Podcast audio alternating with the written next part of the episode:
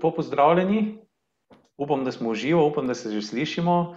Pozdravljeni v deveti epizodi oddaje Prebojenje 9, spletne oddaje za prebujanje zavesti človeštva. In uh, na tej oddaji gostimo goste in se pogovarjamo o tematikah, ki jih um, ne slišite po običajnih medijih, ampak so to tematike za prihodnost, tematike za novo dobo, tematike za dvig zavesti človeštva, ki so vedno bolj popularne in vedno bolj prihajajo v spredje. V spredje in veseli me, da je danes z mano uh, Sanja Lončar. Sanja, pozdravljena. Živijo. In današnja tematika je zelo, zelo zanimiva. Imenuje se Je lakota pred vrati. In mislim, da zelo podoben je bil članek Sanja, ki si ga ti napisala uh, za revijo Pomagaj si sam in tam sem jaz ta članek videl in mi je bil zelo zanimiv. Zakaj? Zato, ker sem tudi sam že nekaj takega v sebi sluto, nisem imel informacij, uh, ki nam jih bo Sanja danes uh, zelo obširno predstavila, ampak nekako v sebi sem, mogoče tako kot tudi vi, ne, čutil, tle nekaj neštima. Ne s tem, kar se dogaja danes v svetu, nekaj ne štima. Zakaj? Zato, ker imaš v sebi nekakšen čuden občutek, da nekaj ni prav. In tudi ta uh, lakota, pa ta samooskrbnost, to so neke, neke tematike, ki danes uh, naletijo. Na poslušna ušesa. Ne? Sanja, ti to dela že 15 let, ljudi opozarjaš na nujnost čim večje samooskrbe, uh, Pa da te čisto hitro uh, predstavim, ti imaš spletno stran oziroma informacijsko središče za zdravje.net, ki ga vodi že 16 leto.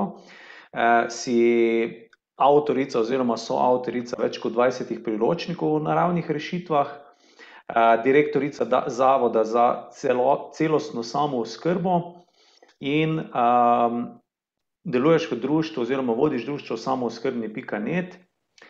In nekako tvoje poslanstvo je ozaveščanje, izobraževanje, kako izboljšati samo skrbo na vseh področjih. Tudi prejšnja oddaja z dr. Ano Vovk je bila nekako v tej tematiki, tam smo v praksi si nekaj stvari pogledali, ti nam boš pa tukaj zdaj podala te informacije, se mi zdi, ki so pomembni, da jih ljudje vedo, da sami naredijo korak mogoče proti samo skrbi. In uh, Sanja, vesel sem, da si z nami, zdaj pa čisto prvo vprašanje. Ne? Ali je lakota pred vrati? Ne? Zdaj en bo rekel, ja, mogoče pa je, ne? drug bo rekel, da to je znanstvena fantastika, le v kakem svetu živimo, vsega imamo dovolj. Kak je s tem? Ali je to sploh neka realna možnost, ali ni, ali si to sam neki domišljamo, ali kaj? Ja, zanimivo je, da si mi sploh več ne znamo sploh uh, zamisliti lakote. Res, če otroku rečeš, da bo ostal lačen, za njega to samo pomeni, da bo hrustal svoj čips in kekse v svoji sobi, pa da bo prišel v kuhinjo takrat, ko bo dostop ponovno prost. Res večina ljudi v tej generaciji zdaj a, lahko to vidi kot neki abstrakten pojem. Že meni so kot otroku grozili, da moramo vse pojesti, zato ker otroci v Afriki so lačni. Torej, a, niso mi mogli pokazati nekoga v naši največji bližini, ampak očitno v nekem svojem genskem spominu a, vsi imamo mal daljši spomin, kot je to, kar, ta epizoda, ki jo trenutno živimo. In nekako to zavedanje o. o tem, da je lakota vedno tle nekje, mislim, sedi na rami in čaka. Uh, ja, očitno to nosim že od mehnega, ker nekako se ne nehno ukvarjam s to hrano in prvo trgovino z zdravo prehrano sem skupaj s kolegico ustanavljala 35 let nazaj. Uh, nekaj me je očitno gnalo, da ne nehno ljudem poskušam razlagati, ne bodite nespametni, dajte poskrbeti za to, da ste na varnem, tudi takrat, ko niso leta debelih krav in podobnega. Glede, da, zdaj nas veliko ljudi je, zdaj, ne, ki me poslušate. Um, upam, da sedite na toplem, upam, da ste večerjali, da me poslušate s polnim želočkom in da ne boste zaspali. Ampak smo se zahvalili za to, kar smo danes imeli na mizi. Včasih, veste, ljudje niso rabili, da jih neki župnik na to opomni, ker so čutili tako resnično notranjo hvaležnost za ta kos kruha, ki je na mizi, ker so si zelo dobro znali predstavljati, kaj bi bilo, če ga ne bi bilo. In so to imeli kot direktno izkušnjo. Mi to imamo kot mogoče neke ostanke vzgoje, tam, kjer je to še preživelo.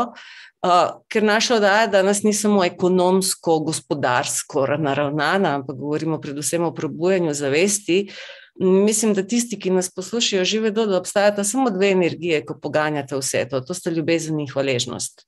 In uh, ko hvaležnosti zmanjka, zmanjka tudi ljubezni, in potem smo tam, kjer smo sedaj.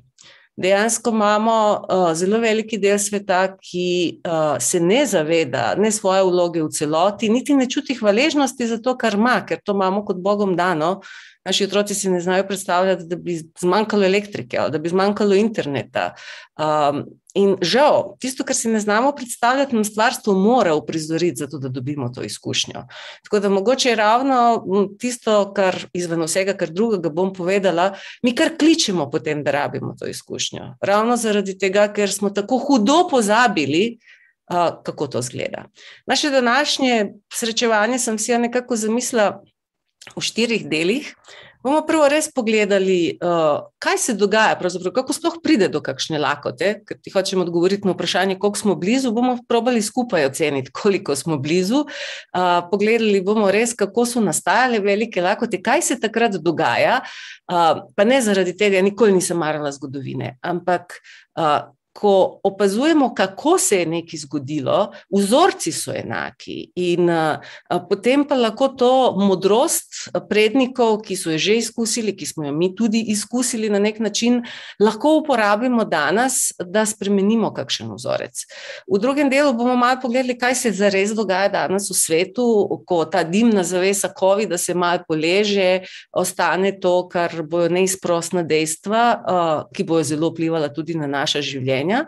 V tretjem delu bomo pogledali, kaj se pa v Sloveniji dogaja, koliko smo mi res dovzetni za to vrstne težave In ker vas nočem pustiti nespečne, na koncu bomo pogledali, kje imamo mi vzvode, s katerimi lahko odločamo, če ne drugega, saj to, da na naša vrata ne bo potrkala lakota. Da saj to svojo možnost, uh, da, da živimo enim življenjem brez strahu in brez takih skrbi, da lahko ta svoj potencial razvijemo, da smo potem res svobodni. Ker če nismo samo skrbni, nismo svobodni. Veste, sužen, ki mu drugi mora dati hrano, ni svoboda, ne glede na to, kako si on umišlja duhovno rast, razen če ste že naprani.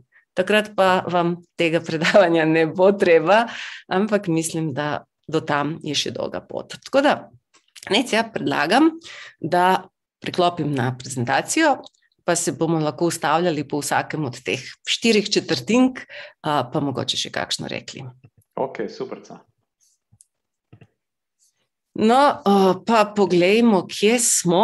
Torej, povedala sem, da bomo v tem prvem delu res pogledali, kako sploh pride do velikih lakot in kaj mi tle lahko se naučimo od te zgodovine. Glede, vsakič, ko je prihajalo do velike lakote, bilo jih je nešteto. Uh, jo je ali zakrivila narava, torej, ko narava pokaže svojo moč, vulkani, poplave, suše so še kako vplivali na zgodovinsko velike lakote. No, drugo področje, lahko mu rečemo neumnost, danes bi mu rekli preumnost oziroma pretirana pamet, uh, je, ko človek misli, da je postal že božji vajenc in misli, da drži vse vajeti v svojih rokah in da lahko maksimizira svoje dobičke in ostalo, pa se gre monokulture, degenerira semena in podobno.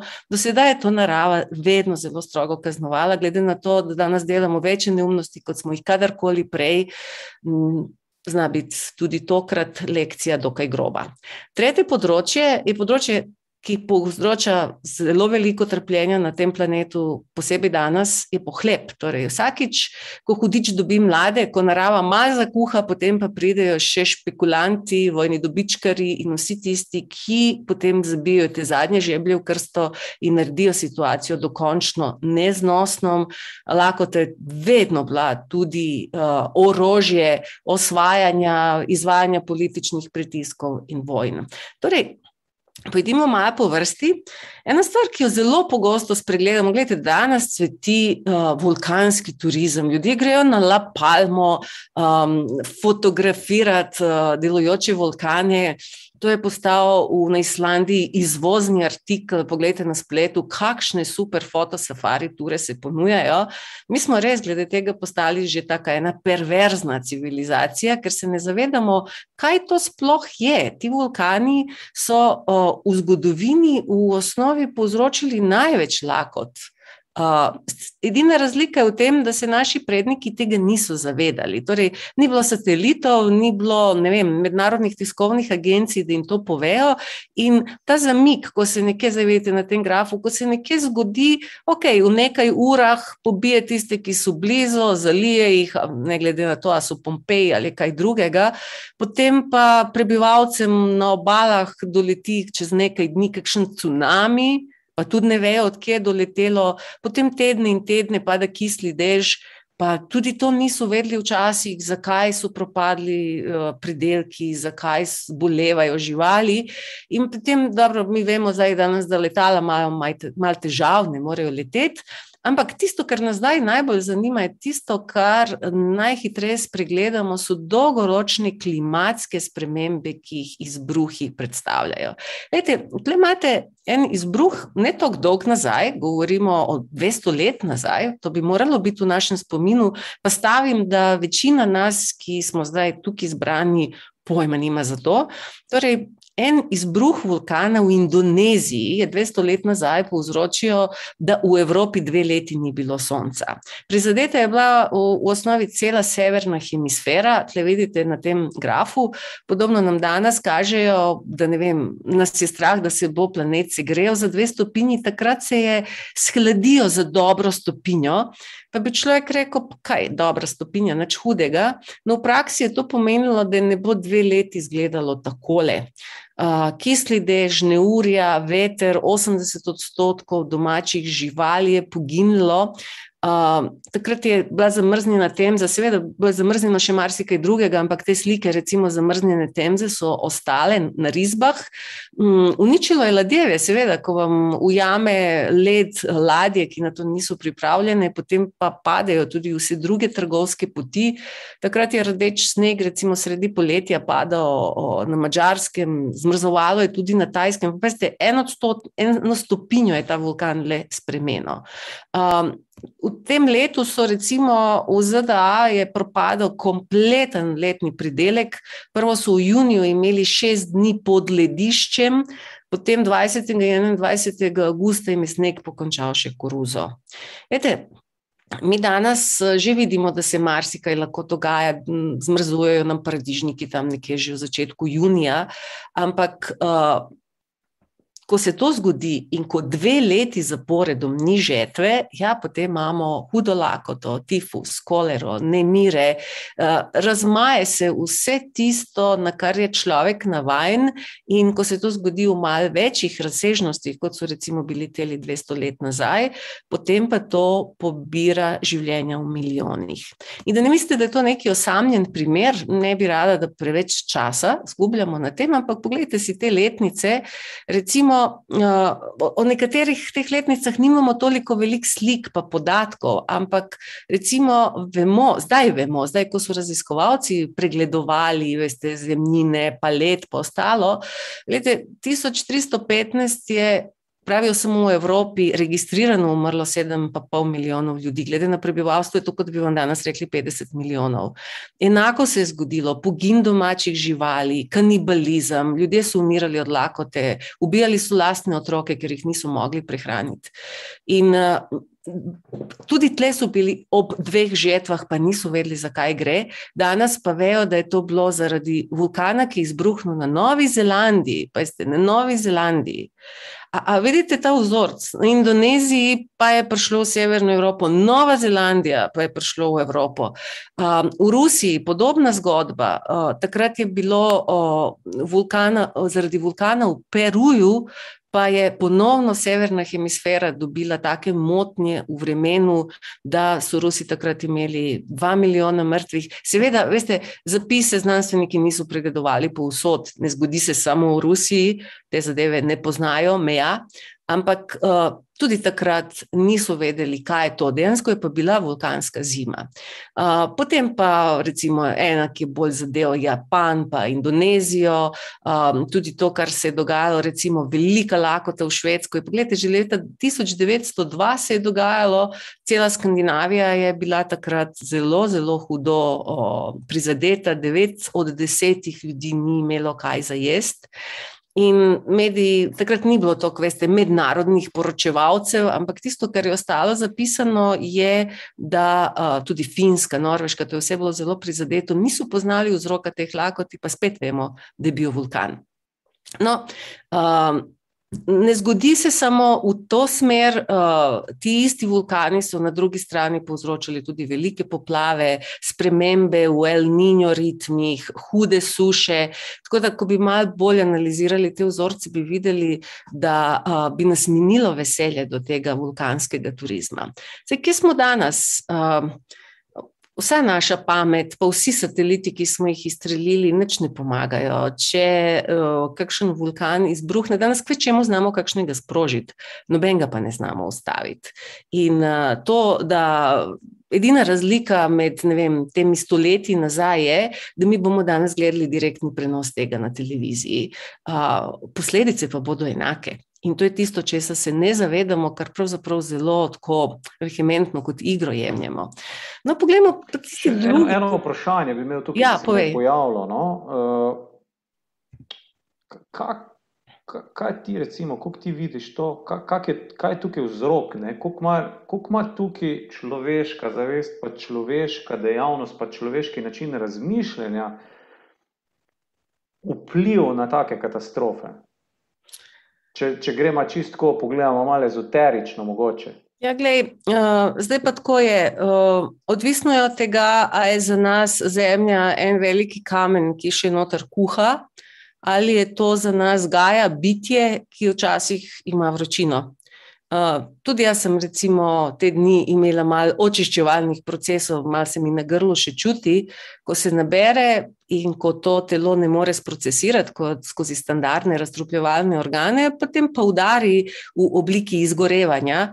In uh, če velja uh, to, ta fraktalnost življenja, kako zgoraj, tako spodaj, torej enaki procesi so povsod uh, in enake očiščevalne energije se uporabljajo na vseh nivojih. Tako da z tega stališča.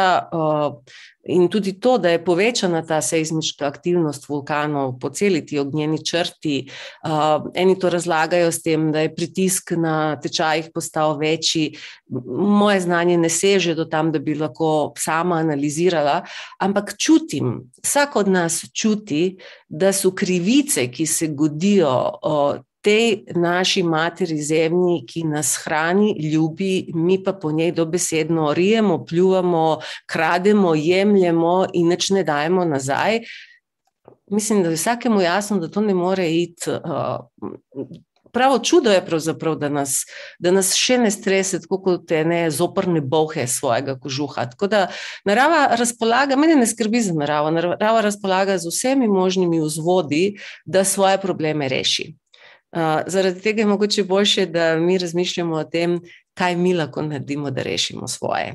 Uh, da so stvari povezane, če čutimo, da so, uh, ja, mislim, da so, ne morem tega eksaktno nobenemu dokazovati. Torej, tisti, ki je prišel do tega, da čuti to povezavo, jo čuti, ostali pa bojo rekli, da vem, smo zašli v ezoteriko, ampak tako je. Uh mhm. -huh. Gremo naprej. Gremo naprej. No, področje, ki pa uh, nimamo opravka torej z nekimi silami, ki jih ne moremo kontrolirati, imamo opravka z, ja, z eno silo, ki, ki bi se jo morali naučiti znati kontrolirati, to je naš um. In uh, ena od težav uma je, da zelo hiter misli, da je zrel, da prevzame vajeti upravljanja življenjem. In recimo to se danes zelo dobro ogleda tudi v načinu, kako mi namesto pridelave hočemo proizvajati hrano, kako iz kmetijstva hočemo delati industrijski obrat, kako zahtevamo, da krave delajo po tekočem traku, da kure delajo po tekočem traku. To, res, to je zdaj prišlo do takih skrajnosti, da nekaj takega stvarstvo še nikoli videlo ni. Ampak spet, če pogledamo mečkano preteklost, tudi tle bi se lahko marsikaj naučili, če bi hoteli vsaj malo prisluhniti. Uh, ta monokultura je, recimo, mnogi ste slišali za veliko irsko lakoto, tudi ta se ni zgodila tako dolg nazaj. 150 let, 170. In kri, mislim, krivda za veliko lakoto je bila v tem, da so preprosto preveč se navlekli na eno, eno živilo. Moramo razumeti, v Evropi je res, kot ste videli, tisti srednji vek je bil res naporen, res zahteven. To je bila veliki del tega srednjega veka, jih je zeblo, mala ledena doba, velik težav, že ko sem raziskovala zlišče in začimbe. En od razlogov, zakaj so Evropejci bili tako navdušeni nad začimbami, bil ta, ker so začimbe bile tople, so sušile in zdravile težave, ki so takrat bile prevladojoče. No, Krompir je bil res velika rešitev za svet v enem trenutku. Glede, tudi Marija Terezija je na vse načine ga hotela usiliti v Avstralskem cesarstvu, kmetje so res morali gojiti ta krompir. Na nek način lakota se je nehala, ko smo dobili krompir. In na Irskem je tudi bila velika rešitev za reveže, ki so morali v najem vzeti mehen košček zemlje plačati zelo drago to najemnino in se še prihraniti. Ampak to veselje ni dolgo trajalo, ko je prišla uh, krompirjeva gniloba in ko jim je propadel pridelek krompirja, se je začelo um, najtežje obdobje. Ampak pogledajte, kako dolgo je to obdobje trajalo. Sedem let. Človek bi se vprašal, okay, če jim je propadel krompir prvo leto, zakaj so ga gojili drugo leto. Ja, zato, ker, kot rečeno, ko se zgodijo take zadeve, potem hudič dobi mlade. Potem človeški pohleb uh, še stopi v igro In uh, lačni ljudje, ki niso več mogli odplačati zemljo, ki so jo imeli v najemu, in ki niso mogli prehraniti svoje družine, uh, država, takrat so lastniki te zemlje, so bili bila angliška aristokracija. In gledajte, v državi je še vedno bilo 70 odstotkov drugih predelkov, ker krompir je bil zasejan na 30 odstotkov površine. Ampak Veste, enako kot da se danes pogovarjamo, uh, neoliberalizem, torej ni novejšega datuma, torej svobodna trgovina je zmagala in so se odločili, da ne bojo prepovedali izvoz ostalih živil. Torej, uh, če že reveži niso mogli kupiti koruzo, žita in ostalo, potem se je to za več denarja prodalo na trgih, kjer je bilo večje popraševanje. To pomeni, da je lakota pravzaprav se potrojila. Uh, revežim niso pomagali, ampak so jim ponudili, da če vse, kar imajo, pa je tudi v današnjem času zelo pomembno, da če bojo uh, pustili vso imetje, ki ga imajo, da jih bojo potem lahko zaposlili na javnih delih, gradile so se ceste in še marsikaj drugega. Uh, spali so v takih ogromnih uh, skupnih, da ne moreš reči, da so bivališča, ne razlikuje se veliko od nacističnih tistih namestitev. Uh, delali so cel dan v zamenjavo za skledo koruzne kaše. Tudi so ubijali svoje otroke, ker otroci niso mogli izpolniti norme, da bi zaslužili svojo kašo. Delali so tudi, seveda, delali so tudi ženske, delali so otroci, in to je bilo eno tako grozovito obdobje v zgodovini. Pa tudi o tem se ne spomnim, da bi nas neki učili v šoli. Ne, ravno tole sem zdaj razmišljal v tem trenutku. Ne? To jaz ne vem, to, to, to nas niso nič učili. Ne? Jaz, jaz ne, učili so nas, s katerim mirovnim sporazumom se je katera meja premaknila, kje in kdo je koga osvojil, v kateri bitki in kdo je kdaj in dokdaj vladal. Take neumnosti smo se učili, danes se učijo pa še večje. Gled, ni poanta bila, da bi ljudje skozi zgodovino res se naučili tistega, kar bi prinašalo več modrosti. Taki podatki bi zagotovo prinesli več modrosti, če bi vsak, ki danes sedi na našem ministrstvu za kmetijstvo, to lekcijo dal skozi. En milijon Ircev je takrat umrlo od lakote, dva milijona pa se jih je odpravilo v ZDA. Uh, ladje, s katerim so se odpravljali, je izgledalo tako, da so imenovali ladje krste. Uh, tretjina jih nikoli ni prišla do cilja, samo so jih pometali v morje. Tisto, kar je preživelo, je očitno bilo pripravljeno na svet, to je bilo žilavo in to je bila neka, kako bi rekli, osnova te ameriške družbe, ki je potem zrasla. Uh, zakaj pa se je vse to izdogajalo spet? Ne zaradi narave, Dober primer, da narava ni kriva, lahko vidimo v sosednjih državah. Ta krompir ni propadel samo na Irskem. Podobne težave so imeli tudi Nemčiji, Belgiji, Franciji. Ampak recimo dober je primer Belgije, ki se je odločila, da ko se je zgodilo čisto enako kot na Irskem, da je gniloba uničila pridelek krompirja, oni so zaprli meje za izvoz ostalih ostalih svojih pridelkov in na ta način so preprečili špekulacije, torej preprečili so, da bi se ostali pridelki zdaj prodajali v tujino veliko draže. In ker je ostalo na notranjem trgu, je v Belgiji, kljub primerljivi um, številu prebivalstva, so imeli samo 45 tisoč smrtnih žrtev, v primerjavi z Irci, ki so imeli milijon. Torej, tle vidimo razliko, koliko je narava prispevala koliko pa prispeva človek s svojimi rešitvami. In tisto, kar, dajte si zapomniti, boste videli tudi v ostalih primerih. Uh, Mene je to res zelo zanimalo. Zelo me je zanimalo, kako struktura tega dogajanja, zato se tudi poglobimo v detajle. In vedno je pravzaprav uh, v takih trenutkih tisti, ki so na oblasti, zelo redko, to so res izjeme, da so razmišljali o preživetju naroda.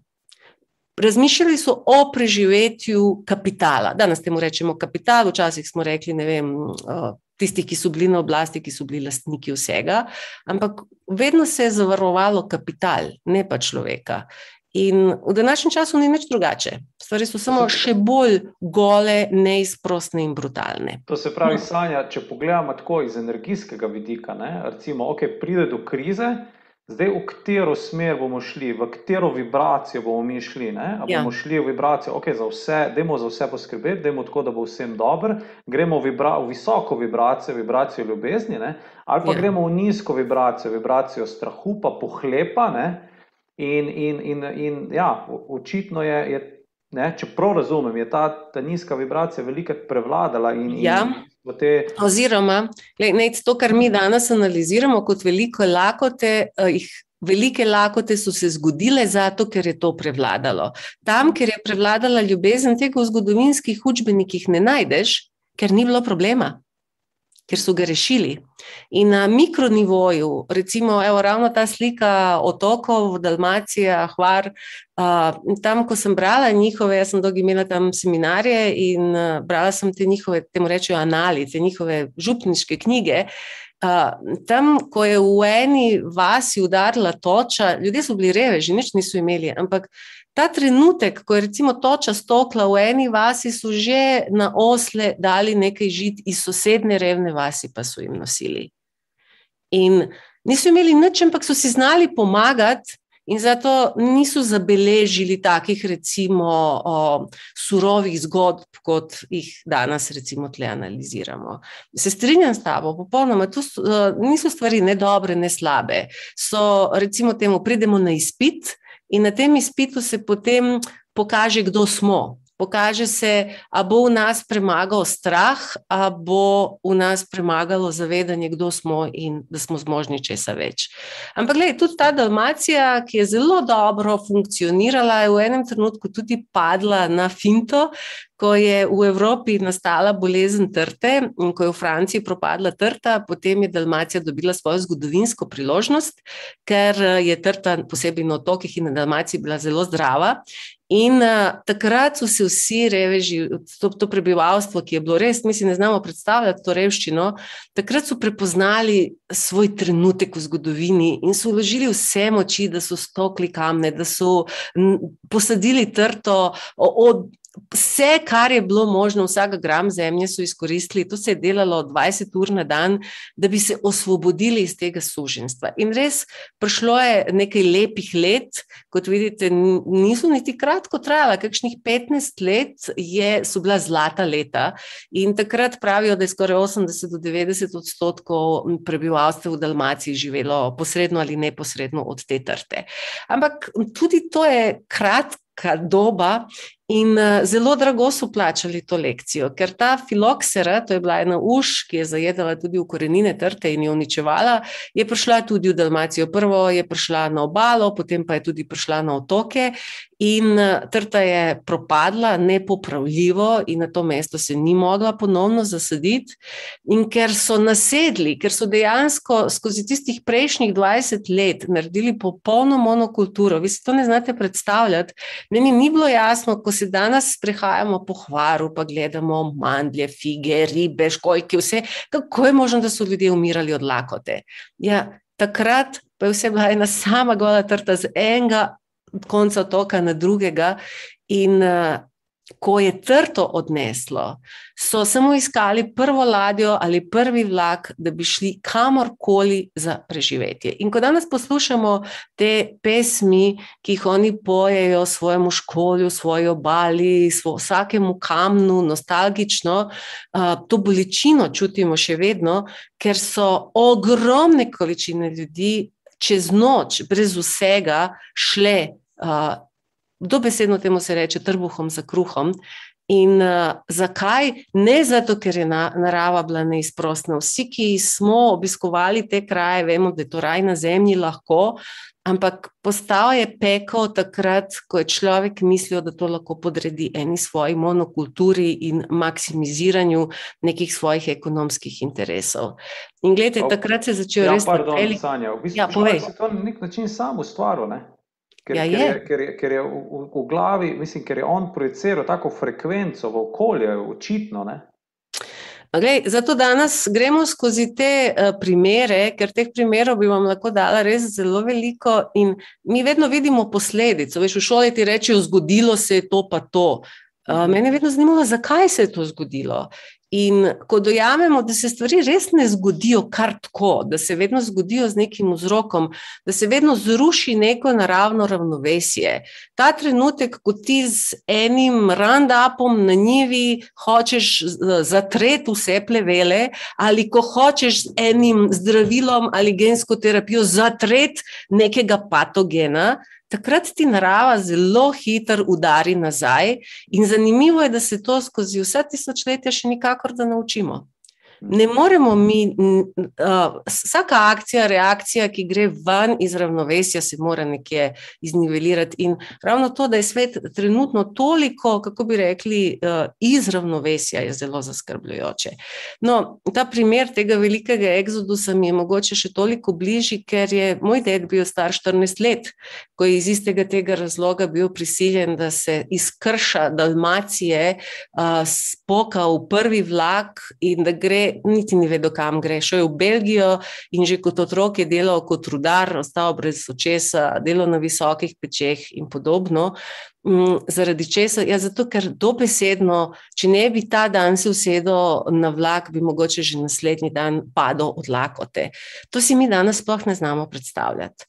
Za nas je to, pravim, še vedno nekaj takega, učimo se neko abstraktno zgodovino, mogoče pravim, ker neki ta gen v družini imam, to ne gledam kot neke zadeve, do katerih ne more priti. Do teh stvari še kako lahko pride.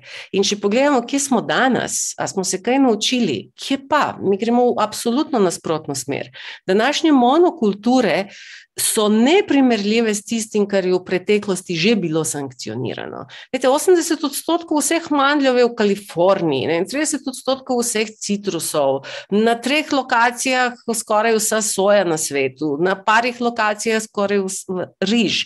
Vse skupaj 80 odstotkov naših prehrane predstavlja nekih pet kulturnih rastlin, včasih jih je bilo na stotine. Torej, ta globalizacija, ki hoče, da McDonald's ima enakih hamburger na vseh točkah sveta in da vse ljudje jemo enako hrano, mm, to tudi ustvarja te monokulture, jih forsira še naprej, ampak monokulture so ranljive. Torej, ko, ko pride do kakšne težave, ali vremenske, ali kakšnega škodljivca, ali ne vem, česar koli, da ni pogodu teh rastlin, bomo danes pahnili v lakoto milijarde ljudi v hipu, ne milijone, milijarde. In pogledajte, 80 odstotkov semen, ki jih mi bomo kupovali spomladi, jih šele zdaj sušijo, pa pobirajo, pa pakirajo. A si predstavljate, kakšno loterijo se mi gremo?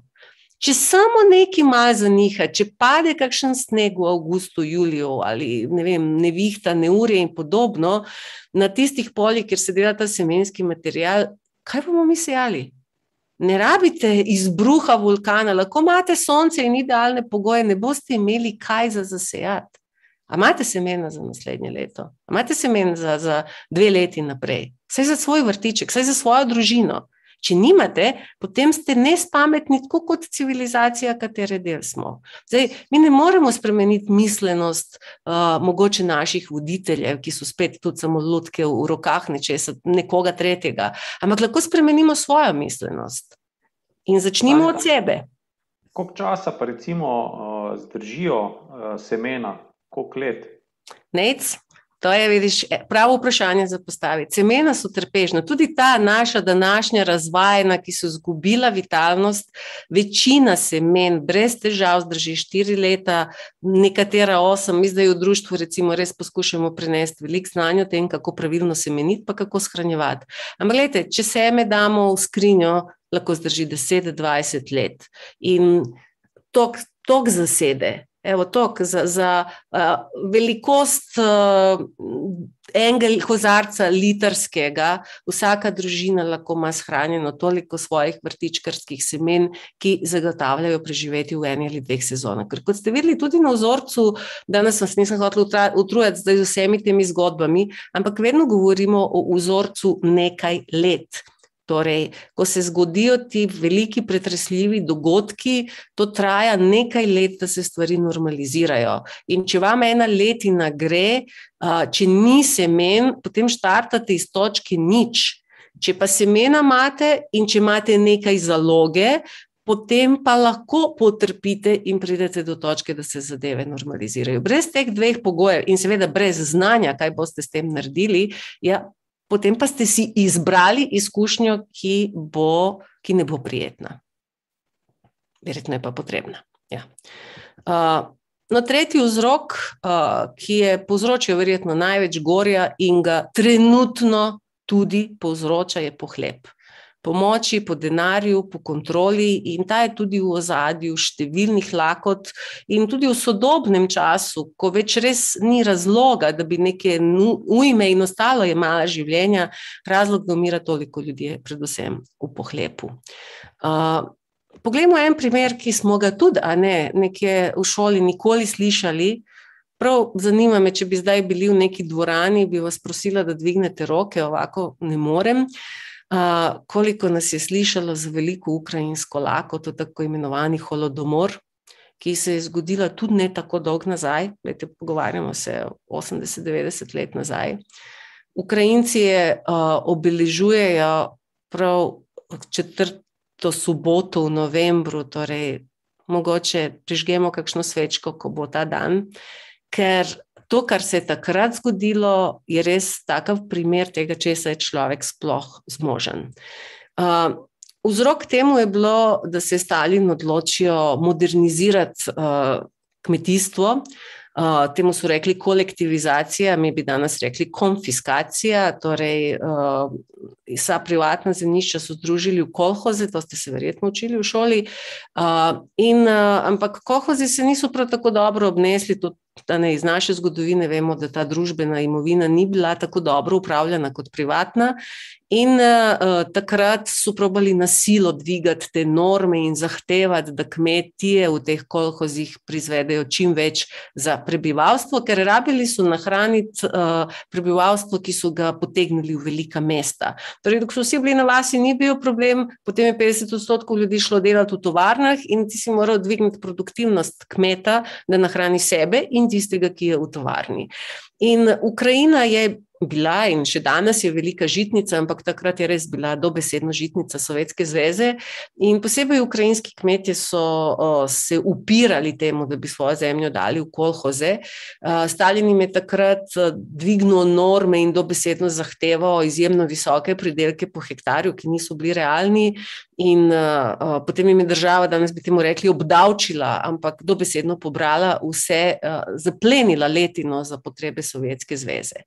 Uh, Kmeti, ki še vedno so se zoprstavljali in niso hoteli oddati svoje zemljišča, dobesedno so jih pustili, da so jih sestradali do smrti.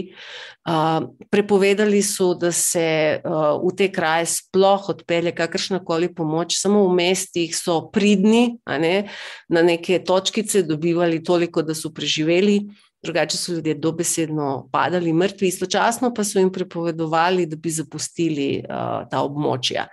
Seveda, uh, ko človek zbira uh, med smrtjo doma in smrtjo na poti, ogromno se jih je odločilo, da so zapustili. In tudi ta zgodba ni daleč, tudi mi v projektu imamo našo producentko. Njen oče je bil v trebuhu take matere, ki je z enim otrokom v naročju in drugim v trebuhu po snegu in po zimi hodila, pa ni vedela, bo mrtva padla, bo kam prišla, pa je prišla sem. No, to so o, zamolčana grodbišča, zanimivo je, da jih vsaka kultura ima. Iz različnih razlogov. Ob vseh so nastajale, mnoge vasi so zbrisane z obličja zemlje, bile. Zgodbe, ki so takrat ostale zapisane, so tudi take, da da vam bom zelo pokvarila večerjo, če vam jih bom v detajle razlagala. Ampak milostno dejanje je bilo, da otroke pustiš spati v snegu, da v miru zmrznejo. Uh, poročali so tudi, to, to, obstajajo knjige, ki pišejo o teh tihih zimah, kjer je človek res uh, pojedel vse, vse, kar je lezlo, vsakega ščurka, vsako podgano, razpadajočega psa. Uh, dejansko preživeli so tisti, ki so bili sposobni ujeti ptiča, izkopati užitne korenine v naravi, olupiti tiste užitne spodnje skorje dreves. Uh, uh, kdor ni imel teh sposobnosti, uh, ni preživel preprosto. Uh, tudi je bilo veliko kanibalizma, detomorov, vsega. In najhujše od vsega je, da je čez vse to bilo potegnjeno 50 let molka. Dok ni spruhno Černobil, ko se je res Ukrajincem utrgalo, ko so potem začeli razlagati, kaj vse so doživljali. Uh, Se o tem sploh ni govorilo, in zato tudi mi o tem nismo veliko vedeli. Um, danes pa imajo tudi spomenik žrtvam in podobnem. Ampak, gledite, uh, ko človek te stvari gleda, se vpraša, ali smo se kaj naučili, ali smo napredovali kot družba. Uh, jaz sem bila tudi v Dahau, v Avšvicu, malo pogledaš te zadeve. Tisto, kar te najbolj prizadene, je ne to, kar so tam počeli, ampak zavest, da bi danes nekateri bili sposobni početi še hujše stvari. Posebej, ker se to danes dela z joystickom, na računalniški miški, ni treba v živo. Uh, poglejte, ne rabimo iti prav predaleč, samo 200 km južneje. Sarajevo je bilo oblegano trikrat dlje od obleganja Stalingrada. In uh, kaj je svetovna javnost v tem času počela? Ja, voditelji so zasedali, so pisali rezolucije, so izraz, izražali zaskrbljenost, eh, vabili k pogajanjem. Eh, tam je pa 14 tisoč žrtev padlo od obleganja, od smrti, od lakote. Predstavljajte si, eh, to sem direktno čutila, ker je kar nekaj mojih prijateljev bilo tam. In tudi razlog, da sem jaz takrat šla iz Jugoslavije, je bil, ko je Saša Lošič zapustil Sarajevo, ki je bilo pod oblegano, uspel je, riskiral je svoje življenje, da je ujel zadnji, zadnje tovorno letalo, preden je letališče bilo zaprto. In mi dva smo takrat delala na enem skupnem projektu in nikoli ne bom pozabila, ko mi je rekel, veš, Sanja, vsi mislijo, da obstajajo neke priprave, da ti izveš, da se nekaj približuje, pa približuje, pa zdaj bo, pa pripravite se ni priprave, to je tako, kar zgodilo se je. Oni so bili na nekem koncertu, potem je pa nekdo prišel, rekel: Sarajevo je blokirano, se je rekel: ha, ha, ha, he, he, he, kakšno blokirano Sarajevo. In ja, 44 mesecev je bilo blokirano. Namesto 200 litrov vode na prebivalstvo so razpolagali z dvemi litri vode. Če ne bi prekopali ta tunel, skozi katerega je vsaj minimum potrebščin prišel v mesto, bi mi danes tle govorili o primerih, ki bi imeli sigurno še eno ničlo več žrtev. Pa mislite, da se to ne more ponoviti? Evo, že danes na medijih vam razlagajo, kako lahko ponovno nekaj izbruhne. In glede na vse napetosti, ki so v svetu, obstaja zelo, zelo velik točk, kjer lahko kaj takega hitro ponovimo. No, A smo danes kaj na boljšem? Ja, danes smo samo bolj tako naveličani smo teh številk. Veste, danes preberete, da nekako standardno od lakote, v teh večjih lakotah umre okrog 9 milijonov ljudi na leto. Seveda, tisti reveži, ki sem pa tja po različnih velemestih, izginevajo, umirajo, to se tisti niso tle všteti, teh je nekajkrat toliko. Uh, milijon ljudi je samo uh, zastrupljenih s pesticidi, ki umrejo vsako leto. Pa je tu tudi ena številka, ki jo nikoli ne boste slišali. Uh, zanimivo je, da Svetovna zdravstvena organizacija že lani objavila, da je korona kriza uh, v lakoto pahnila 100 milijonov ljudi. A ste ta podatek registrirali, ko so ga povedali? Glede, to so vsi tisti ljudje, ki so jih po tistih vele mestih zaprli v ta svoja geta. To so ljudje, ki vsak dan delajo za svojo dnevno, dobesedno skorjo kruha, in za njih je uh, pandemija prinesla dobesedno uh, to, kar je židom bila izolacija v getu na Poljskem. Uh, Spravili so jih v lakoto, spravili so jih v, v, v bolezen, ker niso mogli iti zaslužiti ali na ulici ali nekje z delom ali z vem, beračenjem to, kar je za njih osnovno preživetje. Mi tega ne vidimo. Veste, v Sloveniji je komod biti v karanteni. Ma greš na vrt delati, malo se sprehodiš, malo hribe, malo kolesariš. Mi živimo v raju na zemlji, ne vem, če se tega zavedate. Uh, res premalo smo hvaležni za to, kar imamo. 50 Slovenij, torej, trenutno trpi lakoto zaradi uh, pandemije ali pandemije. Ali, uh, Sanja, v katerih državah bile, je bilo največ teh ljudi?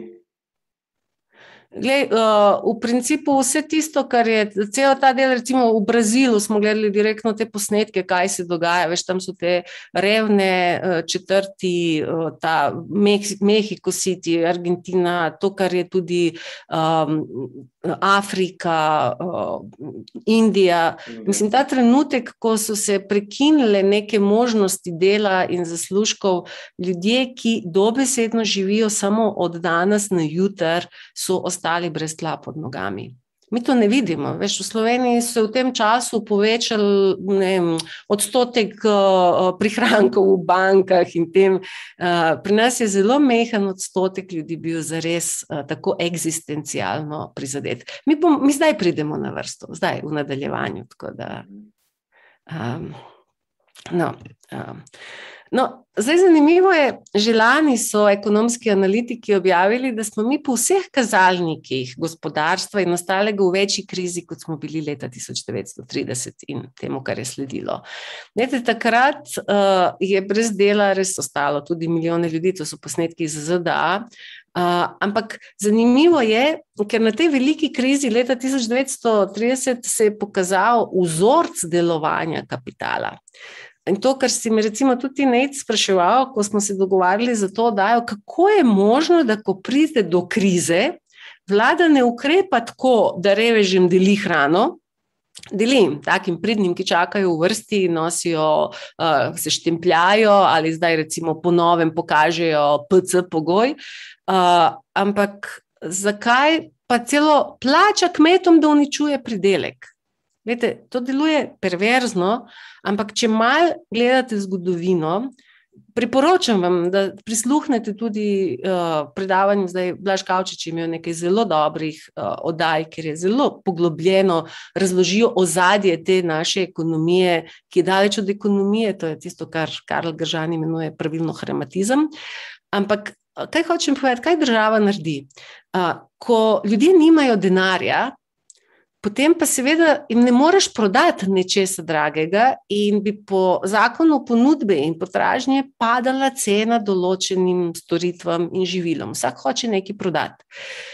In zdaj, gledajte, kako je možno, da v krizi država gre uničevati pridelek? Mi smo to gledali že kot otroci, smo gledali, ni jasno, zakaj kmetje zlivajo mleko, zakaj se uničuje kava. Brazilija je v času velike krize, recimo v parih letih, uničila en celoletni pridelek kave. Zakaj? Da prepreči padec vrednosti kave na borzi. Ne morete verjeti, ne. Torej, rabiš veliko te igre denarja na borzi, so očitno veliko bolj pomembne, in zdaj nek, nek, nekdo pride in ti pokvari igro dobesedno. Torej, raje bomo uničili pridelek, kot da ga podelimo revežem. Oziroma, da ne bi kapital ostal brez svojih prihodkov, država bo nekaj odkupila. In potem bo ona to revežem talala, ampak odkupila bo o, po dragi ceni od o, teh ki so pridelali, torej, da ne bi kapital ostal v kratkih rok. Torej, z davkoplačevalskim denarjem dobesedno bo to odkupila, potem pa bo pogojevala, kome bo to dala in pod katerimi pogoji. Torej, there is no free lunch, pravijo američani. Ne obstaja uh, možnost, da ti nekdo da brezplačen kruh, če ti ga ne pogojuje na določen način. In pogojuje ti ga vedno različnimi oblikami lomljenja hrbtenice se tako ali drugače. In isto se dogaja tudi danes. Že lani so kmetje poročali, zdaj to je težko preveriti, zelo veliko teh posnetkov na TikToku, na Google jih skoraj nič ne dobiš. Ameriški kmetje poročajo, da jim že od lani sistematično odkupujejo zeleno trgatev, delajo, odkupujejo pridelke za uničenje če, to, če se to zares dogaja, potem pa se pripravlja, kako bi rekli, pripravlja nova destabilizacija trga, ker ne moreš to čez noč narediti, razen če ti pomaga kakšen vulkan. No, zakaj pa še ne vidimo kakšne dolge vrste za pomoč? Zato, ker je tokrat se zgodil ta helikopterski denar, ki ga v zgodovini še nikoli ni bilo. Oziroma, je bil pri Miloševiču, torej ja ga poznam. V času v Srbiji smo vsak dan, uh, ko smo zaslužili nekaj dinarčkov, laufali na tržnico, da na črno to zamenjamo za uh, marke, ker do večerja je to, kar smo zaslužili, bilo vredno vsaj za polovico manj. In iz tega časa še hranim tiste bankovce od milijarde, uh, ki so takrat bili vredni, mislim, da nekje okrog 20 evrov današnjih. No, ta isti mehanizem, ki so ga neke velike vodje že v preteklosti obvladale, tudi v Nemčiji. Pred vojno so tiskali denar in ustvarjali hiperinflacijo. No, danes tudi tiskamo denar. Danes tiskamo denar, ker s tem uh, zagotavljamo po eni strani poslušnost zaposlenih, noč ne delaš, sediš doma, si na čakanju, dobivaš plačo, a ne ni slabo. S tem se kupuje mir, ampak s tem se tudi zagotavlja izvedba temu, kar danes imenujejo Great Reset. Ker, eh, če hočeš še naprej dobivati ta denar, boš moral izpolnjevati vse več in vse več pogojev, ki jih bojo postavljali za to. Če pa se razsuje celotni trg, če bo več in več teh revežev, potem pridemo na univerzalni temeljni dohodek. No, ampak to tiskanje denarja ima še drugo plat. Uh, mi dobimo drobtine tega denarja. Največji del tega denarja pa gre v roke korporacijam, ki postajajo samo še močnejše in ki ta čas koristijo za maksimalno, res tako, multipliciranje svojih moči. Uh, in uh, s tem denarjem, ki se zdaj vrti, pa bomo videli, kakšne bojo posledice. Dodatni razlog, da mi še ne čutimo, da je karkoli narobe, je ta, da uh, je zamik v globalizaciji, so se roki uporabe stvari zelo, zelo razširili. Torej, nekaj davno, ne, vam je mleka. Mlek, mlekarna je prinesla v trgovino tisto mleko v vrečkah, mi smo ga kupili, prekuhali, pojedli in to je bilo to. Danes večina živil ima rok uporabe nekaj let. To pomeni, da to, kar mi danes kupujemo v trgovinah, posebej te take pisane, trajne zadeve, to ima rok uporabe nekaj let. In večinoma gre za izdelke, ki so narejeni iz surovin, uh, pridelanih leta 2020 in prej. Da zdaj nisem predolga, mi smo to področje v projektu zelo raziskovali. Ne obstaja zakonodaja, ki bi regulirala kumulativno roko uporabe živil. To pomeni, če denimo. Uh, eno žito smeš uporabljati, recimo, vem, dve leti, ni problem, potem ga zmelješ, pa narediš testenine, ki imajo roko uporabe še tri leta. Če dan pred potekom roka to prodaš naslednjemu, ki iz tega skuha, naprimer, gotovo jed, ta ima roko uporabe potem še leto dni in na koncu koncev ti uživaš žito, ki je že sedem let staro uh, in je vse legalno in je vse v redu.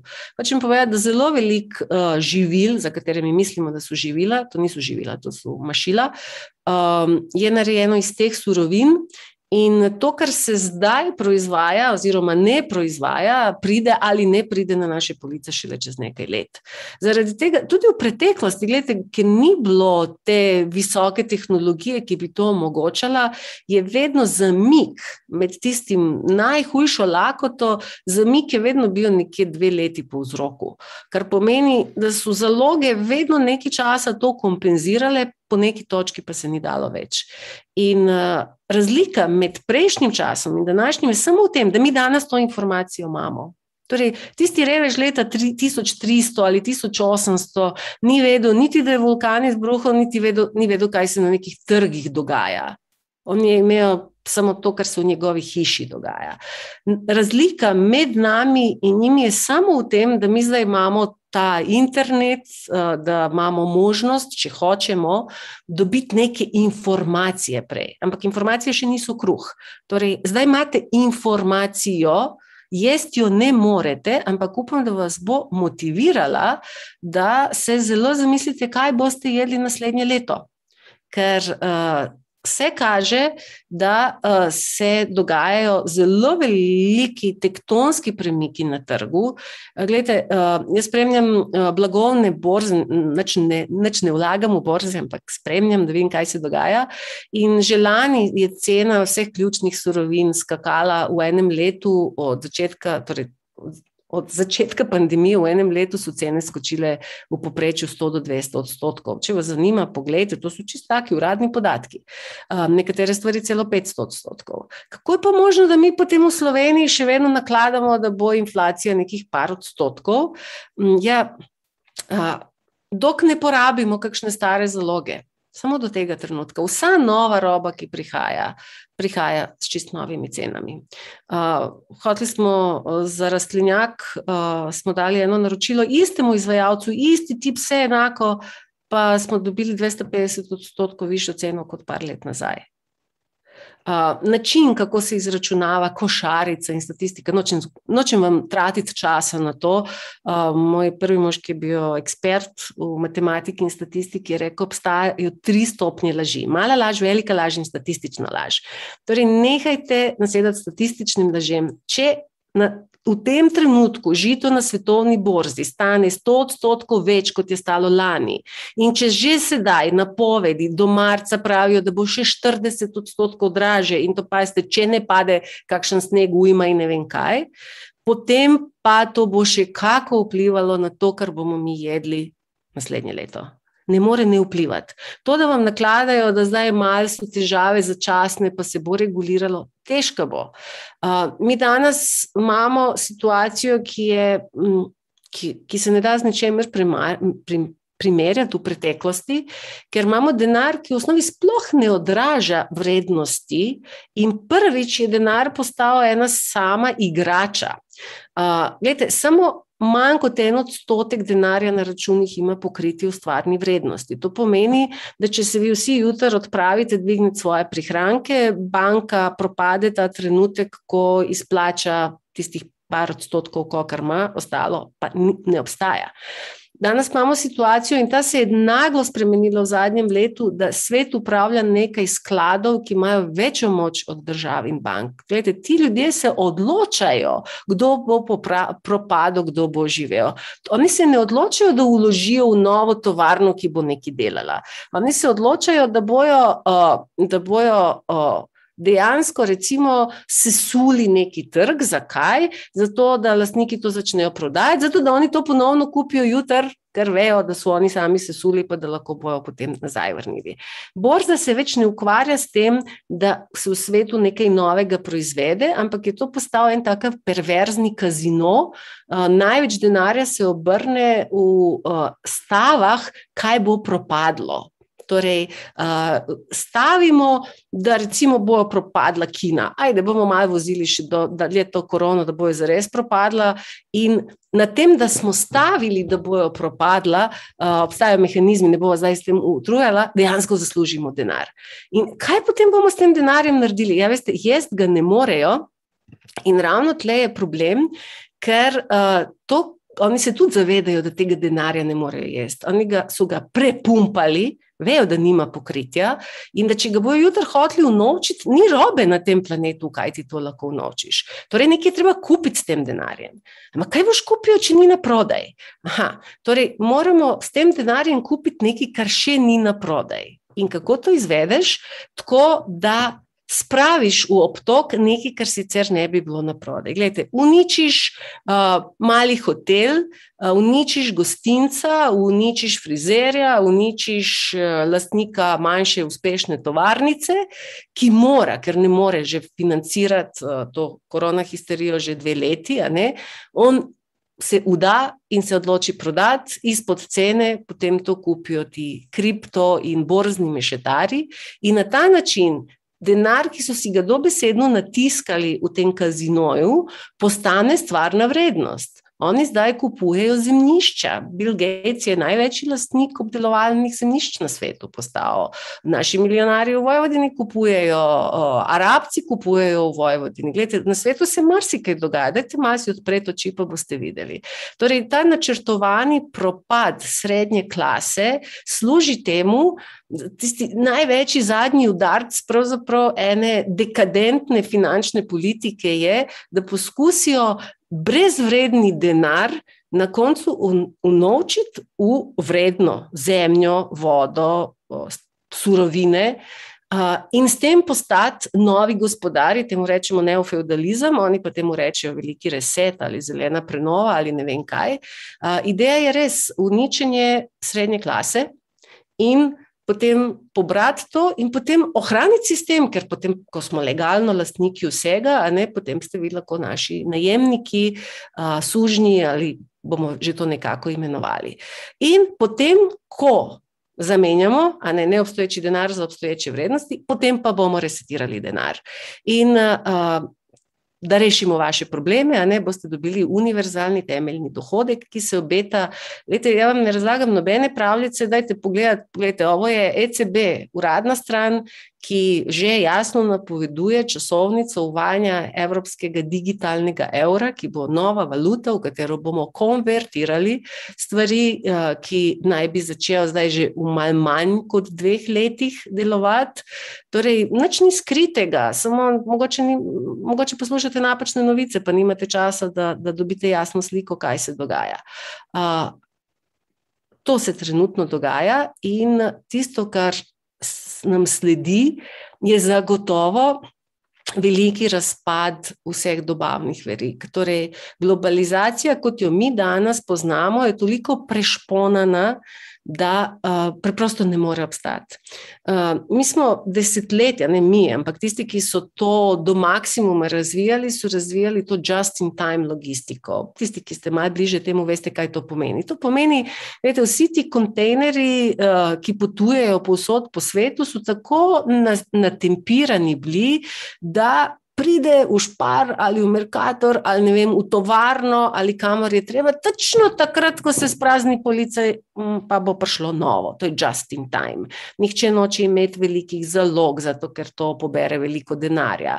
Nihče noče imeti eh, vem, eh, veliko blokiranih sredstev v zalogah. In zato smo razvili takšen sistem, da skoraj skladišča ni, da vse lepo tako po tekočem traku funkcionira. In potem pride korona.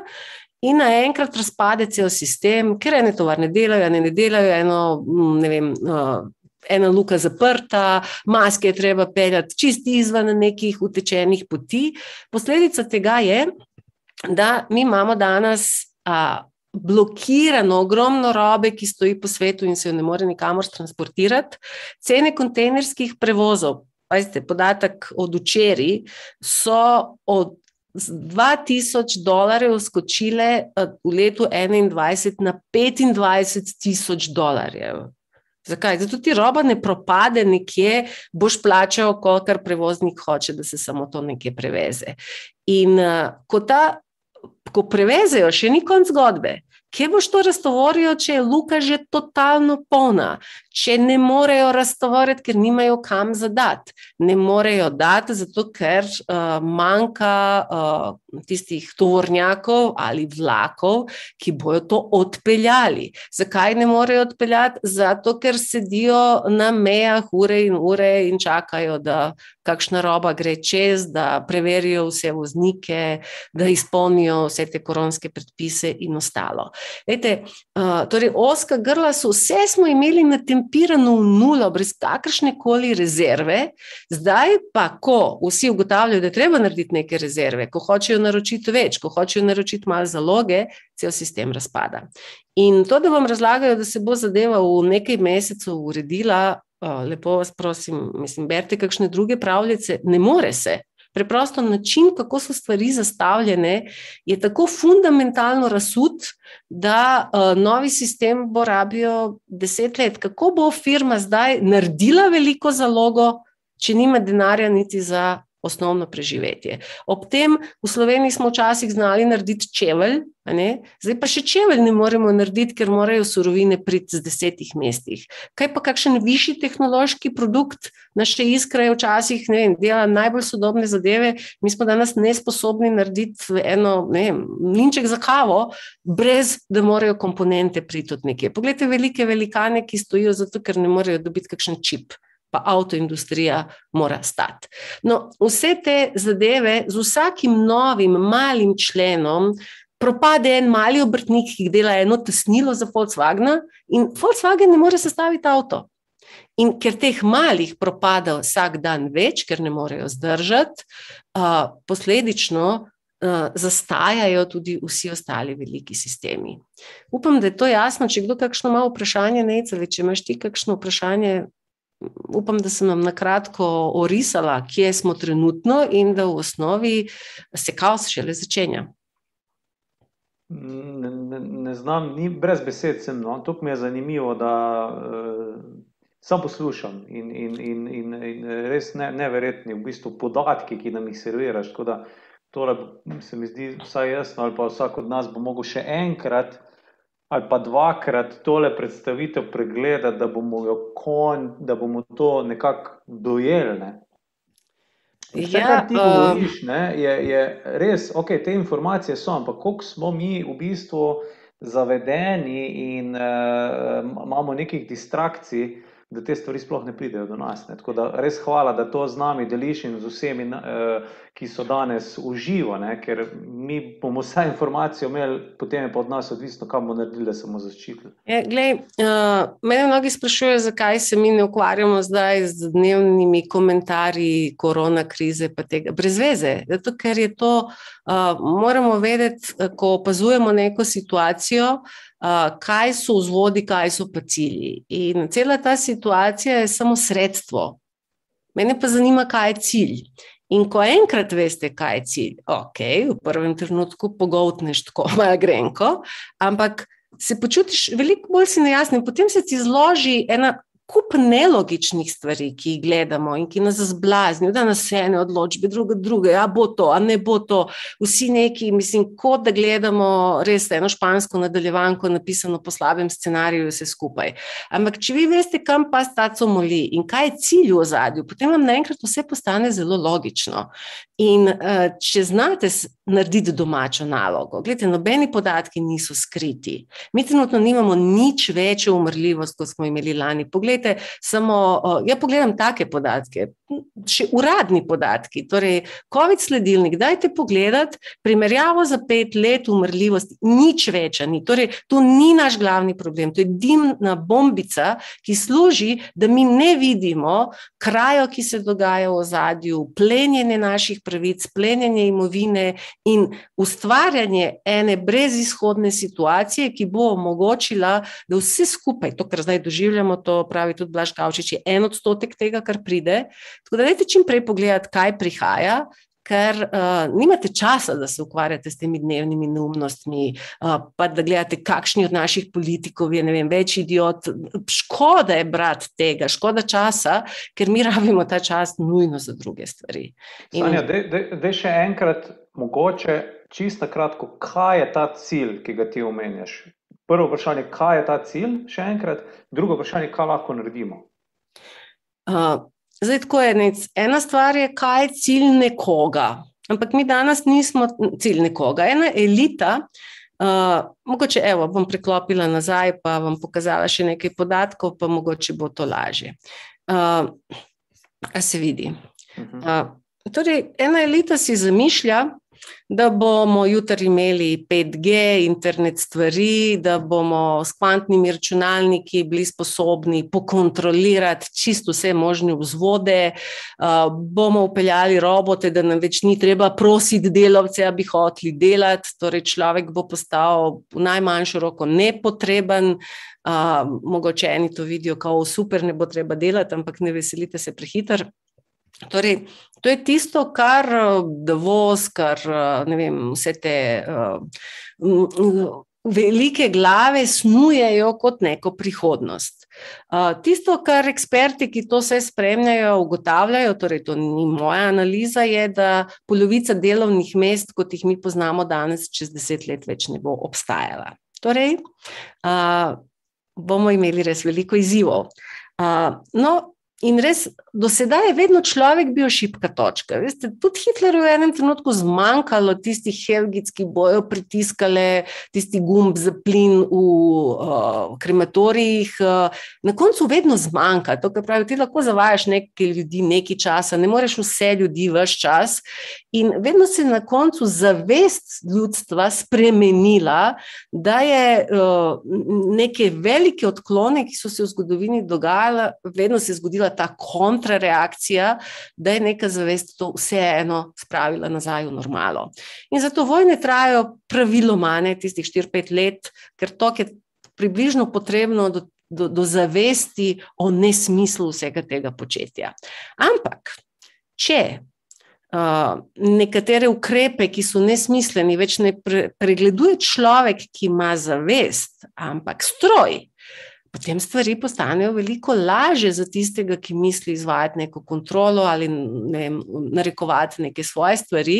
In res to so bile mokre sanje vseh vladarjev, da razpolagaš z vsemi informacijami, da v vsakem svojem uh, sužnju veš vse, vključno s tistim, kaj misli in kaj govori, uh, in da ob tem ga ne rabiš, ker lahko zaposliš uh, robota, in da ga celo izklopiš, če hočeš, če mu recimo ukineš določene pravice o tem so sem sanjali v preteklosti.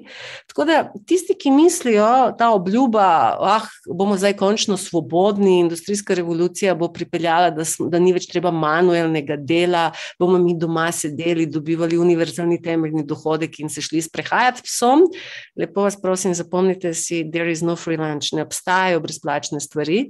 Ker do sedaj niso hoteli revežim v krizi dati niti kruha, zdaj pa vas bojo gledali, kako krog lenarite in se duhovno razvijate, oni pa skrbijo za vse vaše eksistencialne potrebe. Do tam res nismo prišli. Tako da. Drugi scenariji, ki govorijo, da takoj, ko to vzpostavimo, sledi tudi depopularizacija, lepa beseda za nove, za nove genocide in ostalo. Glejte, to je vse možno, če bo šlo v tej smeri. Ampak kaj je dobrega v tem? Ko postaje jasno, da obstaja ta scenarij, uh, to ni edini možni scenarij. Raste vedno tisti volk, ki ga hraniš. In uh, tudi v nas samih bo raslo to, kar hranimo. In tudi, če se preveč pustimo ujet v to zgodbo, mi hranimo potem to zgodbo, ker če nam te zgodbe zbudijo strahove, skrbi, oh, kako bomo to preživeli, ja, potem pa postanemo začnemo res to črno luknjo potem hraniti. Torej, uh, ja temu rečem, bolje to, kako rekel, to je ena nastavitev na, šahovski, na šahovnici, ki zdaj izziva našo inteligenco in našo zavest, kako bomo na to odgovorili. In tako kot si mi na začetku zelo, zelo dobro postavil to vprašanje, ali bi se lahko iz teh lakot naučili kaj drugega? Ja, tudi iz te situacije zdaj bi se mi lahko naučili zelo veliko drugega. In očitno smo bili že tako ulenjeni, otopeli, konformistični do skrajnosti, to ni moj problem, da smo rabili eno tako izkušnjo, ker začnemo verjetno dojemati, da nekaj pa je naš problem, če ne danes, pa bo jutri. In da zaradi tega to zahteva naš odziv. Kje bo jutri Slovenija? Da ima pogledati še to. Lejte, ta trenutek, ko me poslušate, ste že dolžni 19.731 evrov. Vsak izmed nas, vključno z novorojenčkom, ki se je danes rodil. In uh, iz dneva v dan, s tem, kar dovoljujemo, da se zdaj okrog nas dogaja, mi pristajamo na to, da se nam dolg iz dneva v dan povečuje. In potem rečete, ja, ga nisem naredil, pa ga ne bom plačal. Ja, naredili ste ga. Vi ste dali kredibilnost, vi ste prenesli svoja pooblastila tistim, ki v našem, z volitvami smo prenesli svoja pooblastila tistim, ki je v našem imenu podpisal vsak kredit in zato ga moramo tudi odplačati. Če ga država ne bo mogla odplačati, ja, pa bo dala še malo vode, pa še malo Triglavskega parka, pa še kaj drugega, kar bojo hoteli. Uh, ampak ta dolg iz dneva v dan raste, in če ga ne morete plačati, uh, tako kot če ga država ne more plačati, pristaja v suženstvo in mi tudi. Uh, par let nazaj bi se verjetno smejali, če bi vam nekdo rekel, da je energija neki strašen problem. Uh, ravno zdaj, mislim, da 12. to čez par dni, Avstrijci imajo vajo na temo, kako bomo funkcionirali, ko ne bo elektrike. Blackout vaja. A ste slišali za to? Uh, in pravijo, da to, da Evropa lahko stane brez elektrike, sploh ni vprašanje, ali se lahko zgodi, ampak njihova ministrica pravi, vprašanje je samo, kdaj se bo zgodilo. No, gledajte, če z razno raznimi zdaj okoljskimi ukrepi bomo mi ugasnili našo najbolj uh, neumno investicijo do sedaj, tež šest. In če to, to je že veliki dolg še za naše vnuke, uh, Pa če bomo se odločili, da še nuklearko rabimo, ki nas bo zadožila še za eno, dva, tri, te šest, uh, potem se tudi ta naš dolg bo zelo dvignil. Če pa ne, ja, potem pa bomo energijsko zelo revni. Jete, mi smo že živeli tako, da smo imeli te restrikcije, vsakih 8 ur je druga, četrt v mestu dobila elektriko, imeli smo tiste bone za gorivo, Torej, meni ta scenarij ne skrbi, vse živ človek lahko preživi. Ampak ne vem, kako bojo uh, vaši otroci, ki uh, dobivajo nervne zlome, če jim izklopiš internet za 10 minut, preživeli kaj takega. Uh, da res ostanemo malo temi bi pozdravilo marsikatero našo slabo navado, ampak eh, to so čisto realne možnosti, o katerih včeraj sploh nismo razmišljali. A veste, zdaj ta prepih, o katerem na nas govorijo, naenkrat vsi direktori elektrodistribucijskih podjetij letijo. Kaj mislite, zakaj? Dajte malo uporabiti svojo domišljijo. Kaj se plete, zakaj moraš odmakniti vse tiste, ki so do sedaj vodili te zadeve in vejo, kako sistemi funkcionirajo? Mene osebno ta zelena linija zelo, zelo skrbi. Irena Rotar, ekoci se z vsemi močmi prizadevajo, uh, da ta vsaj ptujski semenski center ostane v naših rokah. Izgubili smo že skoraj 80 odstotkov svojih semen, to, da imamo nekaj tam zamrznjenih v genski banki na kmetijskem inštitutu, od tega ljudstvo ne bo imelo kruha. Uh, mi smo, verjemite, brez svojih semen. To, kar se prodaja v Sloveniji kot semena, to v veliki meri prihaja uh, samo pod lepšimi imeni, od Singente, od Monsanta. Če ne bomo pridni, pa ne bo prišlo. Kaj smo mi za njih, ena ta mehna vasica. In če bomo neki preveč uh, kazali hrbtenico uh, in se šli uh, neodvisnosti ali kar takega, ja, gledajte. Najbolj enostavno, samo semena ne pridejo, pa, pa ne rabijo nam noben vulkan, pa noben, ne vem, nič drugega posipati po zraku. Uh, hočem povedati, da se mi sploh ne zavedamo, mi se tle neki res repinčimo, mislimo, da smo ne vem kaj dosegli. Uh, nič nisi dosegel, če nimaš samo skrbe. Ko smo, uh, ko smo se osamosvojili, oziroma ko se je Slovenija samo osvajala, je prvi minister kmetijstva modr človek, takrat rekel, mi ne moremo biti suvereni, če nismo vsaj 70 odstotkov prehransko samo skrbni. In on je bil edini minister, ki je to očitno razumel, ker vsi, ki so prišli za njim, so sem uh, zazidali naše najbolj obdelovalne uh, površine in naredili so betonske šoping centre.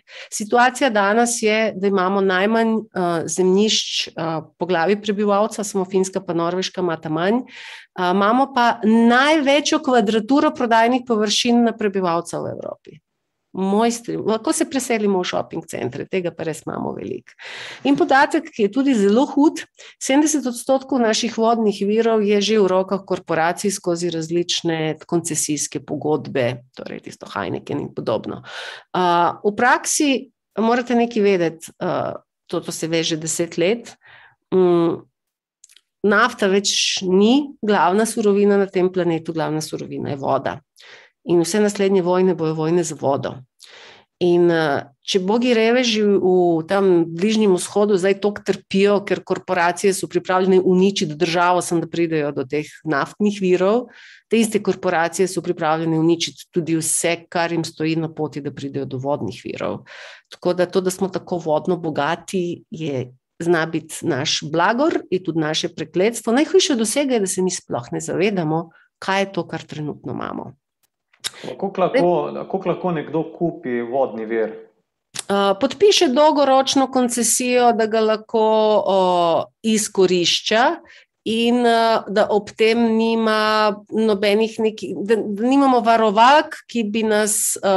Predtem, kako bi rekli, ki bi mu lahko oduzele to pravico. Torej, ne rabi kupiti, ampak če dobijo pogodbo, da neomejeno izkorišča, je to čisto enako, kot da je kupijo.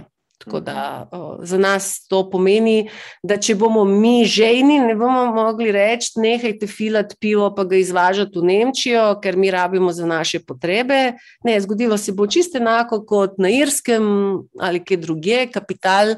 Bo prodal tam, kjer bo nekdo pripravljen dati 5 evrov za, stakle, za plastenko vode. In če mi ne bomo pripravljeni to ceno plačati, pa jo bojo švicari ali nekdo drug.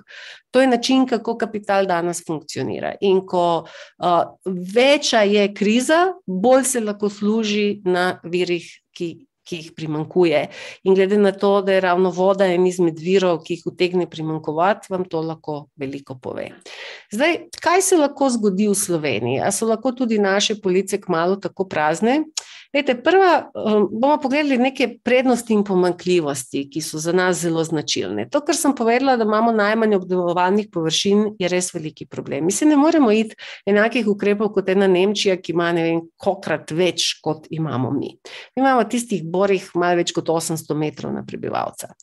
Uh, semena so naša šipka točka. Res, mi smo odvisni od multi korporacij, od hibridov, od dobro, ne sejemo gensko spremenjenih, ampak naša semenska produkcija je tako mehna, da razen vrtičkari, ki imajo nekaj svoje avtonomije, naše kmetijstvo jo nima. Imamo zelo slabe dobavne verige, v katerih vedno najkrajše potegne kmet. Uh, zdaj, ko govorijo, da je treba to ukrepiti, oni sicer razmišljajo še vedno naprej o tem, da bi trgovci vzeli to, kot je njim prav, da bi vsi posredniki nekaj vzeli, da edino kmet bo plačal prvo vse stroške in na koncu ostal v minusu. To pa ne gre. In zato, ker se kmet temu upira, pravijo nestabilna veriga. Jaz seveda kmet na vse načine poskuša stopiti van iz tega. In zelo pomembno je, da mi kot potrošniki dojamemo, da edini, ki res prispeva k naši blaginji, je tle kmet in da kmeta direktno moramo podpreti. Naša lenoba pa pravzaprav omogoča izkoriščanje kmeta na našo škodo naprej. No, omenila sem že te potencijalne zaplete pri energentih, ki potem seveda direktno vplivajo. Glede, a si predstavljate vi danes, ker uh, večina uh, tudi svežega sadja in zelenjave se ohranja mesece dolgo, zahvaljujoč temu, da imamo hladilnice. Kaj se pa zgodi, če ostanemo 15 dni brez elektrike? Vsi agregati, celo taki v urgentnih centrih bolnic so naštimani za kratkotrajne izpade. Niso naštimani zato, da smo nekaj tednov brez. Poglejte, še v Fukushimi so ga polomili, ker niso pomislili, da jim bo voda lahko še agregat zalila in zato je prišlo do katastrofe. Ne zaradi tsunamija, ampak zaradi tega, ker preprosto niso računali, da bi težava lahko bila večja, kot so si modri inženjeri zamislili. No, m, veliko je šibkih točk v sistemu ki lahko grejo po zlu. Če bi vam zdaj razlagala, kaj vse smo o blagovnih rezervah izvedeli od ljudi, ki so tam delali, pa ne delajo več, kako to zgleda na papirju, kako to zgleda v praksi, tudi na ta del se ni prav zanašati, če pride do težav. Videli smo že na primeru COVID-a, kako stvari delujejo. Pa seveda, vedno se v Sloveniji lahko zgodijo tudi klimatska presenečenja. Če ste te dni poslušali Lučko Kajfeš Bogataj, mi se si grevamo dvakrat hitreje kot ostali, zaradi tega tudi več teh ekstremnih pojavov valov, neviht, neuri, mešanja različnih front, zato ker imamo tok klimatskih pasov na tako mehkem področju. To je vse naša značilnost. Pa imamo kaj dobrega. Ja, ne boste mogli spati nocoja. Ne? Imamo nekaj dobrega. Mi smo vrtičkarska vele sila. Ko predavamo v Nemčiji, pa recimo tudi na, na teh, eh, kako bi rekli, ruralnih področjih, pa vprašam ljudi, imate svoj vrt, me kar belo pogledajo. So kmetje, nimajo pa vrtičkov. Imajo 500 krav, nimajo pa svoje solate. Vrtičkarstvo je naša specialnost, res um, to, to turisti gledajo, ne morejo verjeti, ljuško feloki hodijo okrog in slikajo vrtičke, ker ne morejo verjeti, da vsaka hiša pri nas ima neki vrtiček, na katerem nekaj užitnega raste. In to je res naš veliki joker v krizi. To, da se je ohranilo vsaj minimum obdelovalnih površin, minimum znanja, te stare mamce bojo zlata vredne, jih nehali bomo zmerjati, uh, a se vam splača, uh, ker na tem bo slonelo preživetje, če bo šlo uh, v to smer. Uh, druga velika prednost Slovenije, ki mi se ne zavedamo, ne znamo spoštovati, je ta naš dostop do divje rasle hrane. Lete, mi imamo uh, ogromne površine, ki so zaščitene, Natura 2000, nacionalni parki, gozdovi. Torej, uh, tam, ker res, prav zato, ker so tako težki dejavniki za kmetovanje, pravzaprav imamo ohranjeno naravo in ta nas lahko rešuje, gozd nas lahko hrani. In eh, če pa imamo odprte gozdove, tudi, tudi eh, ja ne vem, kako slovenci tega ne vedo. Mislim, v Avstriji ti ne moreš stopiti v gozd, pa brati borovnice ali gobe ali kaj takega. To je enako, kot da bi kmetu kravo ukradel. Tam je gozd privat in stopiš samo z ceste noter, tako da si mu hiša šel nezaslišano bi bilo, karkoli, še rožco ne smeš otrgati. Pri nas je to veliki supermarket v naravi, zaenkrat še, ni rečeno, da bo tako tudi ostalo, ampak to je tudi naš veliki izhod v sili in to je tudi veliki, veliki, kako bi rekli, dodatek na zdravje, ki ga imamo, um, ker te rastline imajo v sebi veliko več energije, biofotonov, uh, antioksidantov, to je res nekaj, kar smo lahko zelo hvaležni, da smo zeliščni vrt Evrope. Lahko. Imamo tudi mehne razdalje. Jaz sem živela v New Yorku in v Milanu, pa ti nekdo reče, v New Yorku, če se voziš še eno uro, še nisi prišel z Manhattna dol. Tle, če se voziš še eno uro, si že izven državnih meja. Torej, eh, tudi če bi ta infrastruktura in logistika eh, res se razsule, eh, mi še vedno se usedemo na kolo, pa pridemo marsika in te mehne razdalje so res odločilnega pomena. Mi nimamo ta velika vele mesta, kjer živi 30 milijonov ljudi, ki se začnejo požirati eni druge v primeru lakote, pri nas vsak peš lahko iz Ljubljane pride nekam. Uh, tudi naša vodna bilanca je zaenkrat čudovita. Res je, da um, ni več taka, kot je bila, je vse več ekstremnih pojavov, preveč dežja pade naenkrat, potem je suša, ampak mi smo razvajeni. Mi mislimo, da dež mora zalivati tako kot uh, namakalni sistem vsaka tri dni.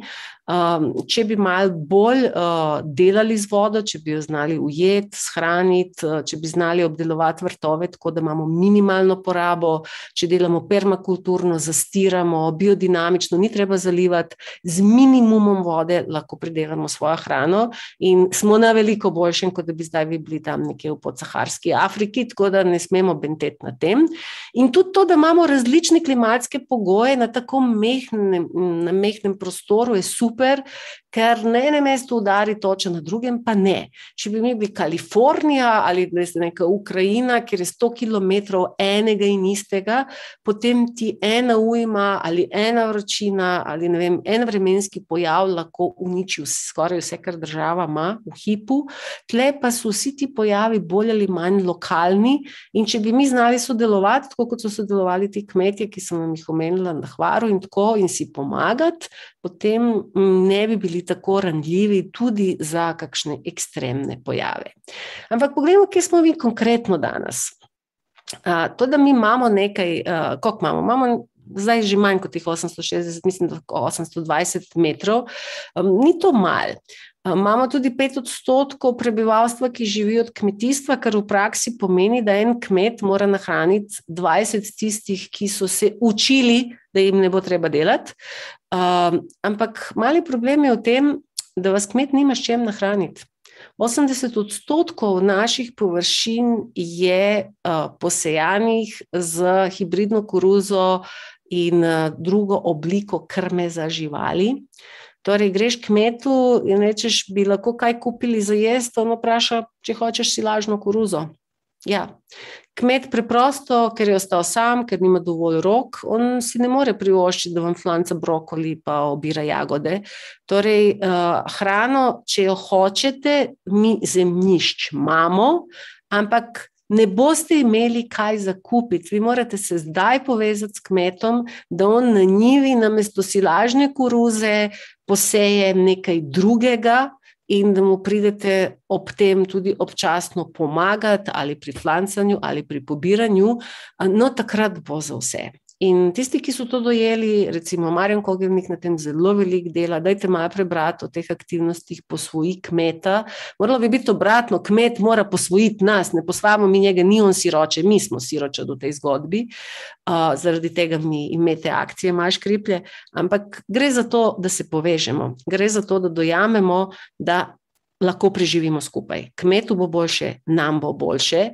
Uh, in prostora, da, da se ustvari dobra izmenjava vrednosti, je veliko, zato ker je danes vsak kmetijski pridelek res preobremenjen z vsemi temi trgovskimi dejatvami, ceno naših šoping centrov in ostalo. Hud paradoks je, da. To, kar naše ministrstvo oglašuje kot našo super hrano, to je res v večini primerov nadstandardna hrana za današnji čas, ampak to ne konča na naših mizah. To konča na mizah tistih, ki imajo denarja, da plačajo več, kot mi plačujemo. Enako se dogaja, pogledajte, kot v 10., 16., 18. stoletju. Tisti, ki plača več, bo dobil boljše, kaj pa mi jemo? Ja, pa mi jemo tisto najcenejše, kar trgovci kupijo in na čem ocenijo, da lahko ustvarijo največ dobička. In to je daleč od naše super hrane. Uh, Lakota ni samo to, da je polica prazna, lakota je predvsem v tem, da so zdaj vaše celice prazne. In pogledajte tega gospoda v tovar, tovarni solate.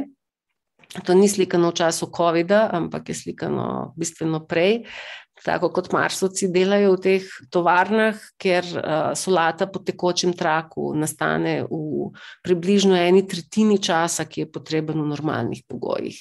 Danes večina hrane, ki pride na naše police, uh, je vzgojena ne iz zemlje, ampak tako intravenozno. In uh, v naravi bi recimo zbirala med 3000 in 6000 razno raznih molekul, tle pa bo dobila uh, tri glavne, tri glavne uh, kako bi rekli, kemikalije.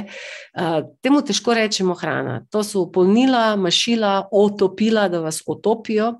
Uh, In tudi zdravstveno stanje uh, človeštva danes izraža, da smo postali rože in rastlinjaka. Glede, že ne prenesemo sonce, zato ker več ne rezoniramo svetlobo.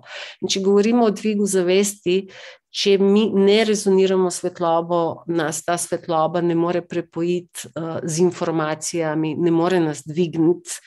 Uh, veste, včasih je bil en hec, um, ko je en marksist spraševal župnika ali Bog lahko ustvari tako težek kamen, ki ga sam ne more dvigniti? Lukavo vprašanje. Ponovim, ali Bog lahko ustvari tako težek kamen, ki ga sam ne more dvigniti? Veste, kaj župnik odgovorijo? Je rekel: Ja, sine, ti si ta kamen.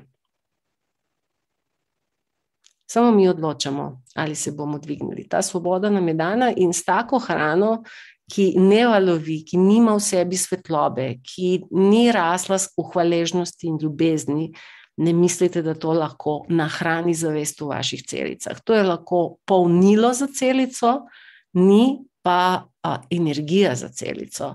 In mogoče je dobro, da take hrane bo kmalo zmanjkalo, ker nas bo prisililo. Mogoče nas bo zelo, zelo pospešilo v razvoju.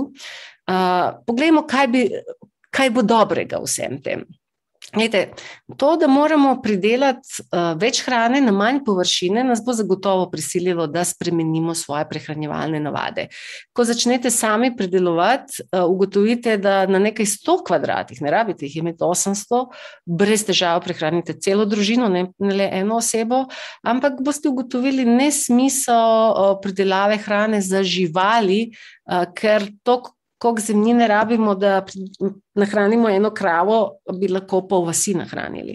Uh, seveda, ene živali so sestavni del zgodbe, recimo kakšna kura, ki nam daje jajce, ki nam pobere škodljivce, ki nam uh, pognoji, je zelo dragocena, ampak uh, ta, to nesorazmerje, v katerem danes poprečen slovenc poje 500 gramov mesa na dan, to je zadnji podatek, ki sem ga ravno par dni nazaj poslušala na radiju, to je pa res kako bi rekli, dekadentno. Moramo ohraniti semensko pestrost in zdrava semena. To pomeni, moramo se naučiti pobirati semena, semeniti, izmenjevati tisto avtohtono, kar ima v sebi dovolj moči, da preživi, tudi če pogoji niso idealni. Zelo pomembno je, da aktiviramo rezemljišča, ki jih imamo. In to ne tako, da, da, da gojimo tisto, kar je najbolj enostavno, ampak da res na teh zemljiščih lahko pridelamo čim več. To vidite, recimo, ravno z našega kraškega travnika, ta ne more prehraniti niti kozo, ampak tle nastajajo grede, na katerih raste vse živo, to je učni vrt v Škofiloki, ker poskušamo ljudem povedati, kako na travniku narediš gredo iz niča, brez da kupiš zemljo, brez da ti jo pripeljajo, ne vem odkje, in lahko začneš že v prvi sezoni pridelovati svojo hrano. Seveda, pomembno je, da se zavarujemo tudi pred kemično kontaminacijo. Zdaj je tudi te vse več, lahko se zgodi čez noč, da bi jo bilo še več. In edino Edino v sodelovanju z naravo se tudi od tega obranimo. Tako kot ko imate vi zdrav mikrobiom, torej ko uživamo veliko desnosučnih mlečnih kislin, probiotičnih stvari, fermentirane hrane, s tem močno, močno pomagamo, da se naše telo razstruplja. In enako, če pomagamo, torej ne če ubijamo mikroorganizme, ampak če jim pomagamo, če jih zdravimo, če jih krepimo, če obdelujemo svoje komposte s temi recimo biodinamičnimi pripravki, z vermikompostnimi čaji, z uh, raznimi temi fermenti, mi dejansko omogočamo, da se zemlja brani in da težke kovine se potem ne usrkavajo v rastline. Ne razlagam vam pravljice, to so dokazali pri dekontaminaciji številnih zadev. Uh, Ana Vokor že tudi obvlada vse te zadeve, kako z rastlinami in temi metodami lahko razstrupljamo tla. In tako kot sebe moramo zdaj non-stop razstrupljati, moramo tudi tla se naučiti razstrupljati, če hočemo, da na njih zraste hrana, ki ne bo zastrupljena. Uh, in seveda, moramo se naučiti vse to pridelati s čim manj uporabljenih resursov. Naše današnje kmetijstvo je totalno potratno. Uh, mi porabimo več kalorij v obliki goriv, uh, teh škropiv, uh, umetnih gnojil. Torej, več energije je bilo potrebno, da proizvedemo vse, s čim uničujemo tla, uh, kot to, kar nam bojo ta tla dala. To je popolni nesmisel. Res, to se enkrat mora končati in mogoče ta kriza služi, da nas tudi bo spametovala v tej smeri. Tisti, ki še ne poznate naše društvo, samo skrbni net, lahko več preberete na spletu, kaj počnemo. Recimo, ena od stvari, zelo se trudimo, da že v naslednji sezoni začne čim več ljudi pridelovati, čim več. In en od načinov je, da, da delamo te mentorske time, torej en, ki obvlada, lahko takoj uvaja in pomaga parim, ki se šele učijo, ker nimate časa se zdaj par let učiti na svojih napakah. Preprosto ni več časa, to vam moram povedati. Mi recimo pridelujemo skupaj sadike. To je za celo našo malo skupnost, nam utrjujemo jih že od februarja, tako od zunaj, in potem take nimajo težav, ko pridejo na, na tla, kot vidite, zelo zgodaj začnemo. In potem tudi maksimalni izkoristek zaprtih prostorov. Jaz sem prej imela par rastlin v svojem rastlinjaku, zdaj jih pa res imam za celo skupnost. Tudi iščemo, povezujemo se s tistimi, ki rastlinjake že imajo, da lahko potem tudi drugi v maju, ko, ko so rastlince že velike, pa jih nimamo kam zadati, da gostujemo v parih rastlinjakih, da pokombiniramo te resurse, da ne rabi vsaka hiša imeti pet kosilnic, pa za en cel Merkur, nek neke robe in tehnike, uh, eni pa ne vejo, odkje bi sploh štartali. Torej, eni imajo roke, drugi imajo znanje, tretji imajo tehniko, eni imajo prostor, pa ga ne morejo izkoristiti. Noben ne rabi ostati lačen, če se bomo znali povezati. Tako da, um, še nekaj bi vam rada svetovala. Um, skozi, ni vseeno, kalorije niso merilo hrane. Uh, ko pogledate, na čem so ljudje preživeli včasih, se vam nobena matematika ne izide, kako je človek lahko preživel na dobesedno enem ščepcu nečesa. Ampak, uh, recimo, ko sem predavala v Nemčiji v, pri Hildegardinih terapeutih, so delali meritve uh, energije hrane in so ugotovili, da avtohtone, stare zadeve imajo takšne zapise, takšne regenerativne moči, tako vitalnost, da je to neprimerljivo z današnjimi sortami. Recimo, če primerjaš eno piro in eno navadno pšenico, je razlika ena proti deset. Pa vam za nas bo rekla, pa kaj to razlika v beljakovinah, mogoče dva odstotka. Ni merljivo torej v kalorijah, pa v beljakovinah, merljivo je pa zelo v energiji. Recimo kutne so sadež z najvišjim izmerjenim valovanjem. To je očitno, so vsi pozabili, ta sadež ne deluje tako komercialno zanimiv, ampak gledajte, če do nečesa bo prišlo, če bo prišlo do kakšnega velikega onesnaženja, zastrupljanja, vem, če bomo še podaljševali naši nuklearki življenjsko dobo, pa je doleti kakšen problem, kot je bil Černobil, potem vas bojo reševali kutne ali recimo japonske kutne, ker imajo toliko velik pektina, ki direktno nas veže celo radioaktivne snovi in uh, um, težke kovine in jih izloči iz telesa. Tudi vse avtohtone sorte uh, starega tega jagodičja so izjemna hrana za naše telo. Ampak ne govorimo o teh modernih Frankensteinih, ko nekdo hoče narediti mešanico enega in drugega, zato da nekaj patentira ali zato da to boljše obrodi. Govorim o izvirni kodi, torej borovnica, ribez, josta, murve. To je tisto, kar naše telo pozna, kar kar spreme in kar nas dobesedno napolni z energijo, ki jo potrebujemo. Vitalnost teh rastlin je res neverjetna. Ja, ravno zdaj sem japonske kutne uh, vlagala in če ti ni sadeš, pustiš ga na pol. Odrezen ga in ne ogledam ga že deset dni, sploh ne zgnije, sem tako malo dehidrira. Dajte mi pokazati še kakšen sadež, ki ga odrežeš na pol in ne bo zgnil. To je moč, ki jo imajo ti stari sadeži in ne bežati od tega, to nas lahko reši. Ko bo hrane manj, bomo znali z njo boljše ravnati, in en od resursov, da preživimo, je tudi to, da se naučimo hrano shranjevati tako, da v sebi ohrani za nas več dragocenih snovi.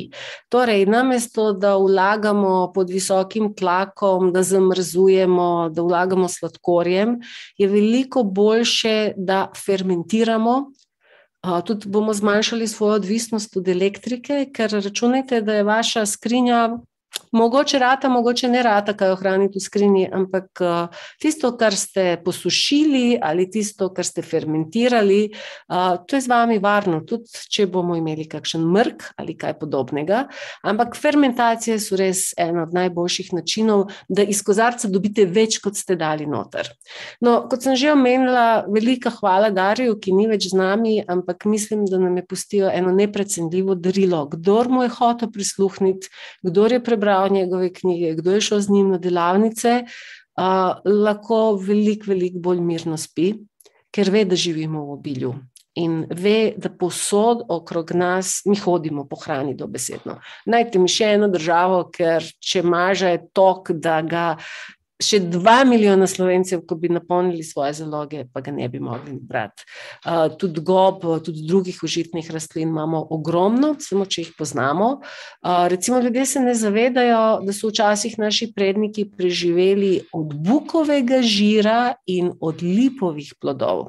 Lipovi plodovi so po svoji sestavi zelo podobni oljčnim imajo 60 odstotkov maščobe, in če bi iz lipovih plodov stiskali olje, torej, gledite, v oljkah imate 12 odstotkov maščobe, tle pa 60, res je, da so bolj drobni, malo več se matrate, da jih naberete. Ampak, ko stisnete olje iz lipovih plodov, je olje zelo, maščobno strukturo ima zelo stabilno, zelo podobno olivnem olju. Torej, če bomo lačni, bomo zaradi tega, ker ne vidimo hrano, ker ji nismo pristopili s spoštovanjem, ker smo raje gledali neumnosti na televiziji, kot se učili, na čem sloni življenje. Ne zato, ker je narava groba in neizprostna, ne, zaradi tega ne boste lačni. Bomo lačni zaradi tega, res, ker nismo pravočasno naredili domače naloge.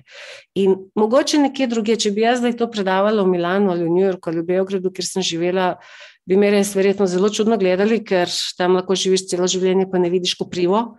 Ampak tle v Sloveniji res imam, nihče ne more reči, da mu to ni dosegljivo. To je z nami in verjemite mi, na tem bo lahko slonilo naše preživetje. Če ste v Ukrajini, ker sem rekla, preživeli so tisti, ker so jim vse so jim pobrali. Kome so kaj našli, v hiši so ga obesili. Torej, če so ti najdli eno gnilo jabolko, so te obesili, ne pretiravam, taki primeri so ostali zapisani. Ljudje so preživeli, ker so znali iti v gost in nekaj pojesti. In uh, upam, da ne boste nikoli v priliki, da to morate preizkusiti na lastni koži, ampak dobro je vedeti, ne. Torej, jaz vam priporočam, da razmislite o naslednjih ukrepih. Zagotovo je dobro imeti svoje zaloge semena, orodja, uh, možnost ogrevanja in kuhanja brez elektrike. Lejte pa ne zato, ker vam jaz zdaj napovedujem, da jutri bo ali vojna ali lakota. To je modrost bila vselej. Moja babica ni razmišljala o vojni, ampak v shrambi je vedno imela 50 kg masti, sladkorja, moke, um, jajca, In če do česa, niso razmišljali, da bi do česa prišlo. To je bilo nekako, kako bi rekli, osnovno o, gospodarjenje, temu se reko biti dober gospodar. Um, Pomembno je, da se učimo živeti trajnostno, pa spet ne zaradi tega, ker pričakujemo jutri konc tega sveta, ampak zato, ker ko enkrat dojamete, kako je to vse naravi povezano, kako je to zaključeno, kako tisto, kar je bil tvoj odpadek, je jutri kompost, iz katerega zraste tvoja nova hrana in nič ne vržeš stran, samo hraniš naprej. Uh, en dober občutek je to postanemo del tega, tudi spoznavamo, da ni minljivosti, ampak so sem transformacije, nekako od znotraj popusti ta strah pred minljivostjo. Ker če mislite, da je stvar linearna, vas je strah, ko dojamete, da je ciklična, čisto drugače gledate na vse skupaj. Torej, nam je dana ta možnost odkrivanja, učenja, ustvarjanja, poustvarjanja. Mi smo v tej svoji lenobi potrošniške družbe vse to izgubili. Tako da konc potrošniške družbe bo začetek enega veliko bolj kreativnega življenja za tiste, ki to bomo sprejeli na ta način. Zelo pomembno je, ko so spraševali največje finančne eksperte, kaj priporočajo, v kaj treba vlagati denar, kaj bo m, največja varnost za prihodnost. Me zelo presenetilo, ker je od res največjih ekspertov rekel, edina naložba, ki jo priporočam, je naložba v ljudi. Vi lahko zdaj kupčkate zlato ali ne vem, delnice ali ne vem kaj, ampak če hočete preživeti, rabite ljudi. Uh, ne zato, da vas branijo in varujejo, ampak preprosto uh, vse, kar človek zares rabi za preživetje, je kolektivna igra. Uh, to zahteva pomoč, zahteva prenos znanja, zahteva medgeneracijsko sodelovanje. Točno to, kar je globalizacija sistemsko razbila, zato da nas atomizira in zato da se ta znanja ne prenesejo naprej. No, pravim, hvala krizi, ker se vrača nazaj to, po čem smo vsi že dolgo krepeneli, in bolj nas zdaj poskušajo atomizirati, bolj raste ta potreba po povezovanju. Torej, gledajte, narava res dela fenomenalno, brez napake. In ko enkrat začnete z naravo sodelovati, vse bolj dojemate, kakšen genialni kakšen genialni scenarij je tle. In, in vas mineva vas želja, da vi pišete scenarij, ker dojamete, da je scenarij res brezhiben, da ga je samo treba sprejeti in sprejeti svoje mesto v njem. Torej, uh, ja vidim vse skupaj, uh, to, kar sem danes povedala, um, uživajmo vsem tem kot v poti. Cilj pride, pride, ko greste po tej poti, tudi pridete. Ampak uh, ne delajte, tudi če se odločite danes, ali če se že odločate, ali ste se že odločili, ne delajte ničesar iz straha. Ker potem se bo to sesulo, ker samo boste hranili strah. Delajte te stvari iz veselja. Tudi če začnete drugače jesti, ne jedite drugače, zato ker vas je strah raka, ampak zato ker se veselite in hočete svojemu telesu privoščiti nekaj boljšega, ker si zaslužite boljše. Uh, tako da je tudi to, kar se zdaj dogaja, vidim, da naš čas dobesedno brca v zadnjo plat, da se premaknemo, da, da, da ne pustimo več našim možganom, da vsako stvar preračunava, se splača, se ne splača, a počakam še mal. Uh, dejansko uh, Daj nam, mnoge ljudi poznam, ki so dobesedno vzleteli v tej krizi, ki so s takim veseljem dali odpovedi, ki so s takim veseljem iz nič začeli posebno drugačno življenje. Ko jim pogledate učke iz zombijev, so postali ponovno živi ljudje. In uh, hvaležni res vsemu temu, kar se dogaja, uh, in ja na ta način vidim tudi to krizo. Uh, torej, če to dojamemo, uh, tudi uh, smo hitreje pripravljeni obvladati ta svoj ego, ta svoj prav in iskati to svojo povezanost z okoljem, ker uh, dojamemo, da mi govorimo, pa ste danes govorijo o ljudskih resursih, včasih se je govorilo o, o delovnih ljudeh, zdaj so pa to resursi, torej nafta je resurs, človek je resurs. Um, in mi imamo občutek, da ko, neko, ko, nas, ko, ko nam ne dajo več službe, da smo mi potem neuporabni, dajte ljudje, dajte se zbuditi. Dejansko smo mi vrednost. Mi ustvarjamo to, kar se potem prodaja mi ustvarjamo to, kar se dogaja, mi hranimo cel sistem. In samo to, da, da se mi ne zavedamo, da ga mi vzdržujemo, omogoča, da na koncu ta veliki zmaj uh, papa lastne otroke. Uh, mogoče res rabimo to izkušnjo, da moramo stopiti van iz sistema, da dojamemo, da nič ne rabimo, da bi ustvarjali vrednost. Vete, mi se res imamo fajn, zdaj smo začeli skupaj, skupaj trgatev, skupaj kuhanje soka, marmelade, skupaj mletje žit, vzdrževanje druži, vzgoja sedik. Zato ne rabimo denar. Ne rabimo uh, v fitnesu imeti svoj urnik, pa ne vem, maserja, pa vse ostalo. Uh, najboljše stvari na tem planetu so dobesedno zastonj, če jih znamo speljati. Torej, dajte se čim prej organizirati za skupno predelavo sadik, zelenjave, čim prej obnoviti travniške sadovnjake, čim prej saditi nove stvari. Oskrba perutnine, gledajte, ni noben problem, to ni nekaj velikega, ampak ne more en človek biti dežuren 24 ur ob dveh urah. Veliko laže, če se jih tri vzamejo skupaj, pa vsak uh, ima po en teden opravkov. Uh, naučite se res čim več tega divje raslega, um, so uporabljajmo opremo, ki jo imamo v Sloveniji dobro založena. Mislim, da smo celo v svetovnem vrhu po številu traktorjev po glavi prebivalcev. Če bi pa šteli kosilnice, mislim, da nam, ni primerjave. In dajmo prenašati ta svoje znanje in izkušnje. Lahko ustvarimo res zelo lep svet. In jaz čutim, da vse to skupaj uh, je ena zgodba, nekje globoko v meni je nekaj, kar se zaveda, da, da smo mi vsi zavestno zbrali to zgodbo, da smo mi vsi sposobni v tej zgodbi iz sebe potegniti še marsikaj, kar sploh ne vemo, da obstaja in kar bi ostalo zaprašeno noter, če bi še vedno.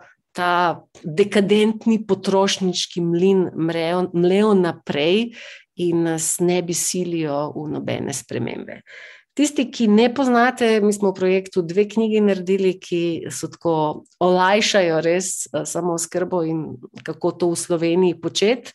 Uh, nekaj časa jih ni bilo v prodaji, zdaj smo uspeli, to sploh ni bilo enostavno, da vam povem, dobiti papir in jih spraviti v ponatis. To je zdaj, v socialističnih časih, mislim, rabiš se namatrati, da papir sploh kupiš. In če želite, prednaročila so še par dni samo odprta na znanje.zazdravje.net, lahko jih tam tudi prelistate. Um, mislim, da smo svežo zelenjavo že trikrat ponatiskovali, zdaj bomo četrtič. Tako da, če vam je v pomoč, dajte pogledati vsebino, uh, ostalo pa, evo, mene.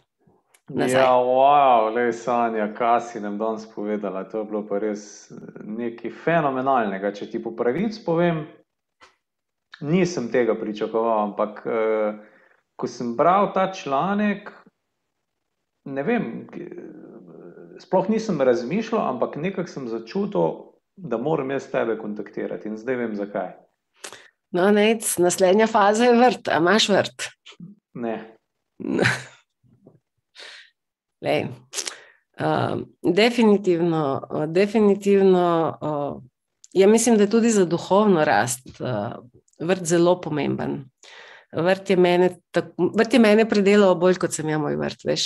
Uh, ker vrt, je, vrt te nauči ciklom v naravi, nauči te tej popolnosti. Na vrtu ti vidiš, kako pravzaprav noben odklon ne more trajati predolgo. Mene zaradi tega, tudi ko poslušam te ne, ekstremne scenarije, veš, tako horor, ki jih razlagajo, v kaj gremo, je globoko čutim, da to ni možno. Preprosto zaradi tega, ker obstajajo te povratne zanke. Ne obstaja nobena stvar, ki se linearno, neskončno razvija v eno smer, ker bolj ti vlečeš elastiko v eno smer, deluje tako izravnalni mehanizem, le recimo ta um, transurfing ima prav.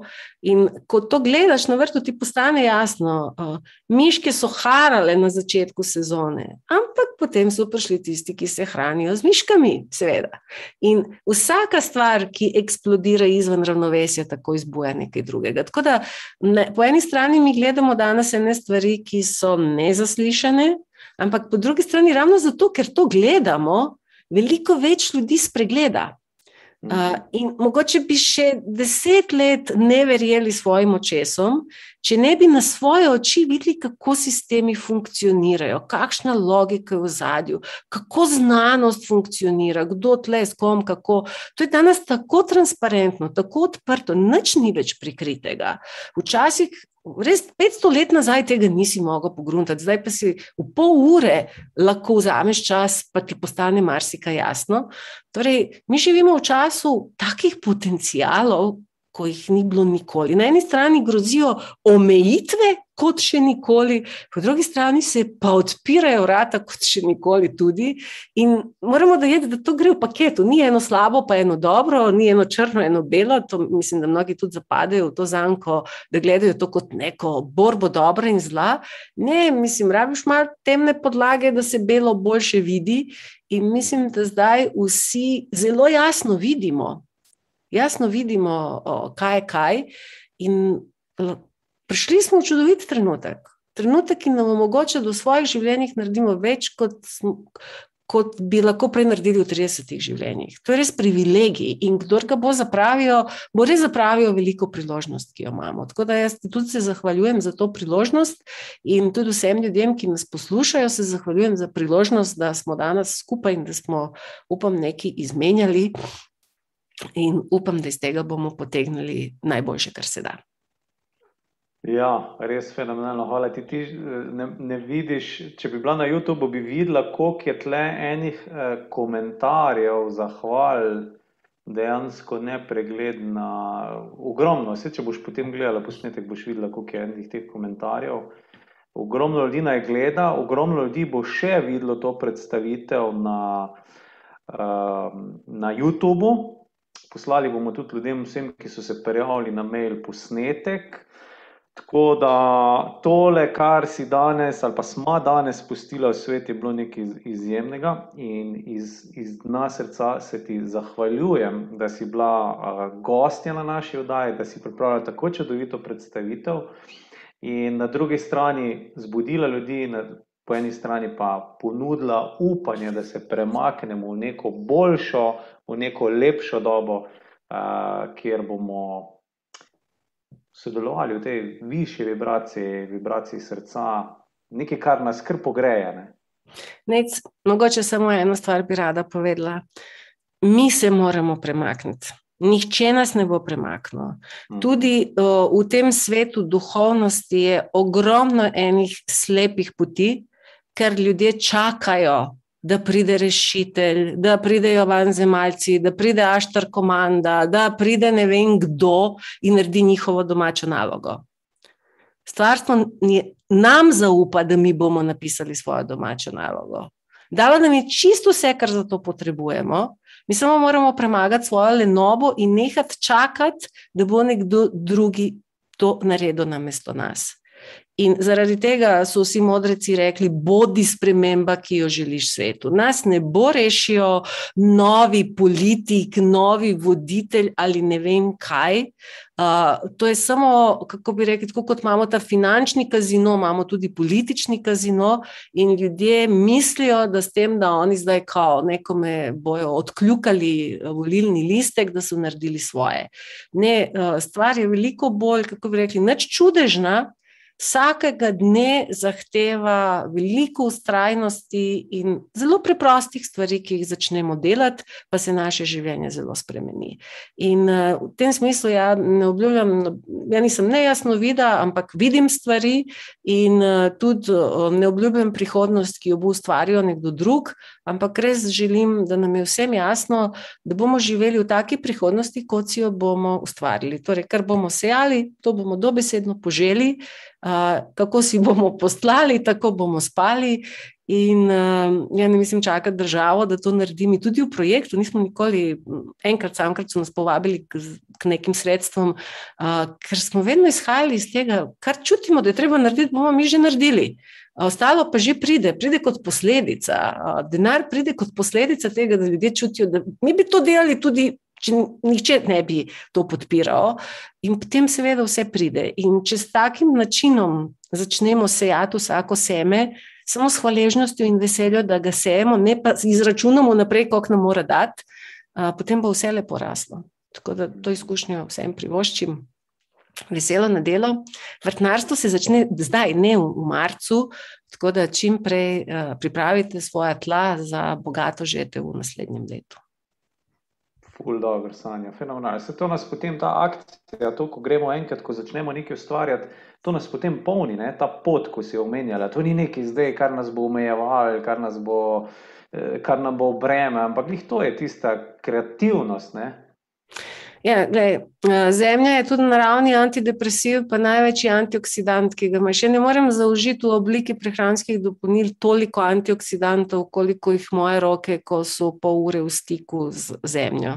Zato tudi to promoviramo toliko to zimsko vrtnarjenje, ne zato, ker boš ne vem kaj pridelal, ampak zato, o, ker te od vsega tega elektrosmoga in vsega tako hitro čisti in meglo o, spuca iz glave in uravna notranje hormone, in potem te tudi TV dnevnik ne iztiri več. Torej, to, to je res naj, narava nam je vse dala. Mi smo pa tisti, ki smo spregledali rešitve, misleč, da smo bolj pametni. Tako da ja res v, v tej samo oskrbi vidim veliko več dimenzij kot samo pridelava hrane. To je predvsem res samo, celostna samo oskrba še z marsičem mhm. drugim. Ja. Ok, ne, da ne bo predolga, dve uri, ja. uh, dve uri življenja smo vsi vložili v ta večer. Uh, lahko noč želim vsem, mirno spite in jutri zavihajte rokave. Ja. Hvala lepa vsem deležnicam, hvala za te komentarje, hvala tebi še enkrat, Sanja. Uh, skratka, uh, lepo bodite, hvala za udeležbo. Zdaj pa, tako kot, kot je Sanja rekla, ne čakati na akcijo, prevzeti odgovornost, ker noben ne bo na mest nas neke stvari naredil in mi smo ustvarjalci, mi lahko začnemo s premembo. In ko mi začnemo s premembo, začnemo ali fizično, ko nas nekdo vidi, ali pa energijsko vplivati na ogromno, ogromno ljudi okoli sebe. In ko bomo mi se odločili in naredili korak naprej, a, bodo z nami, bodo z, bo z nami to naredila tudi okolica. Tako da lepo bote, se vidimo ponovno čez 14 dni z novim gostom, novi oddaji in to je to.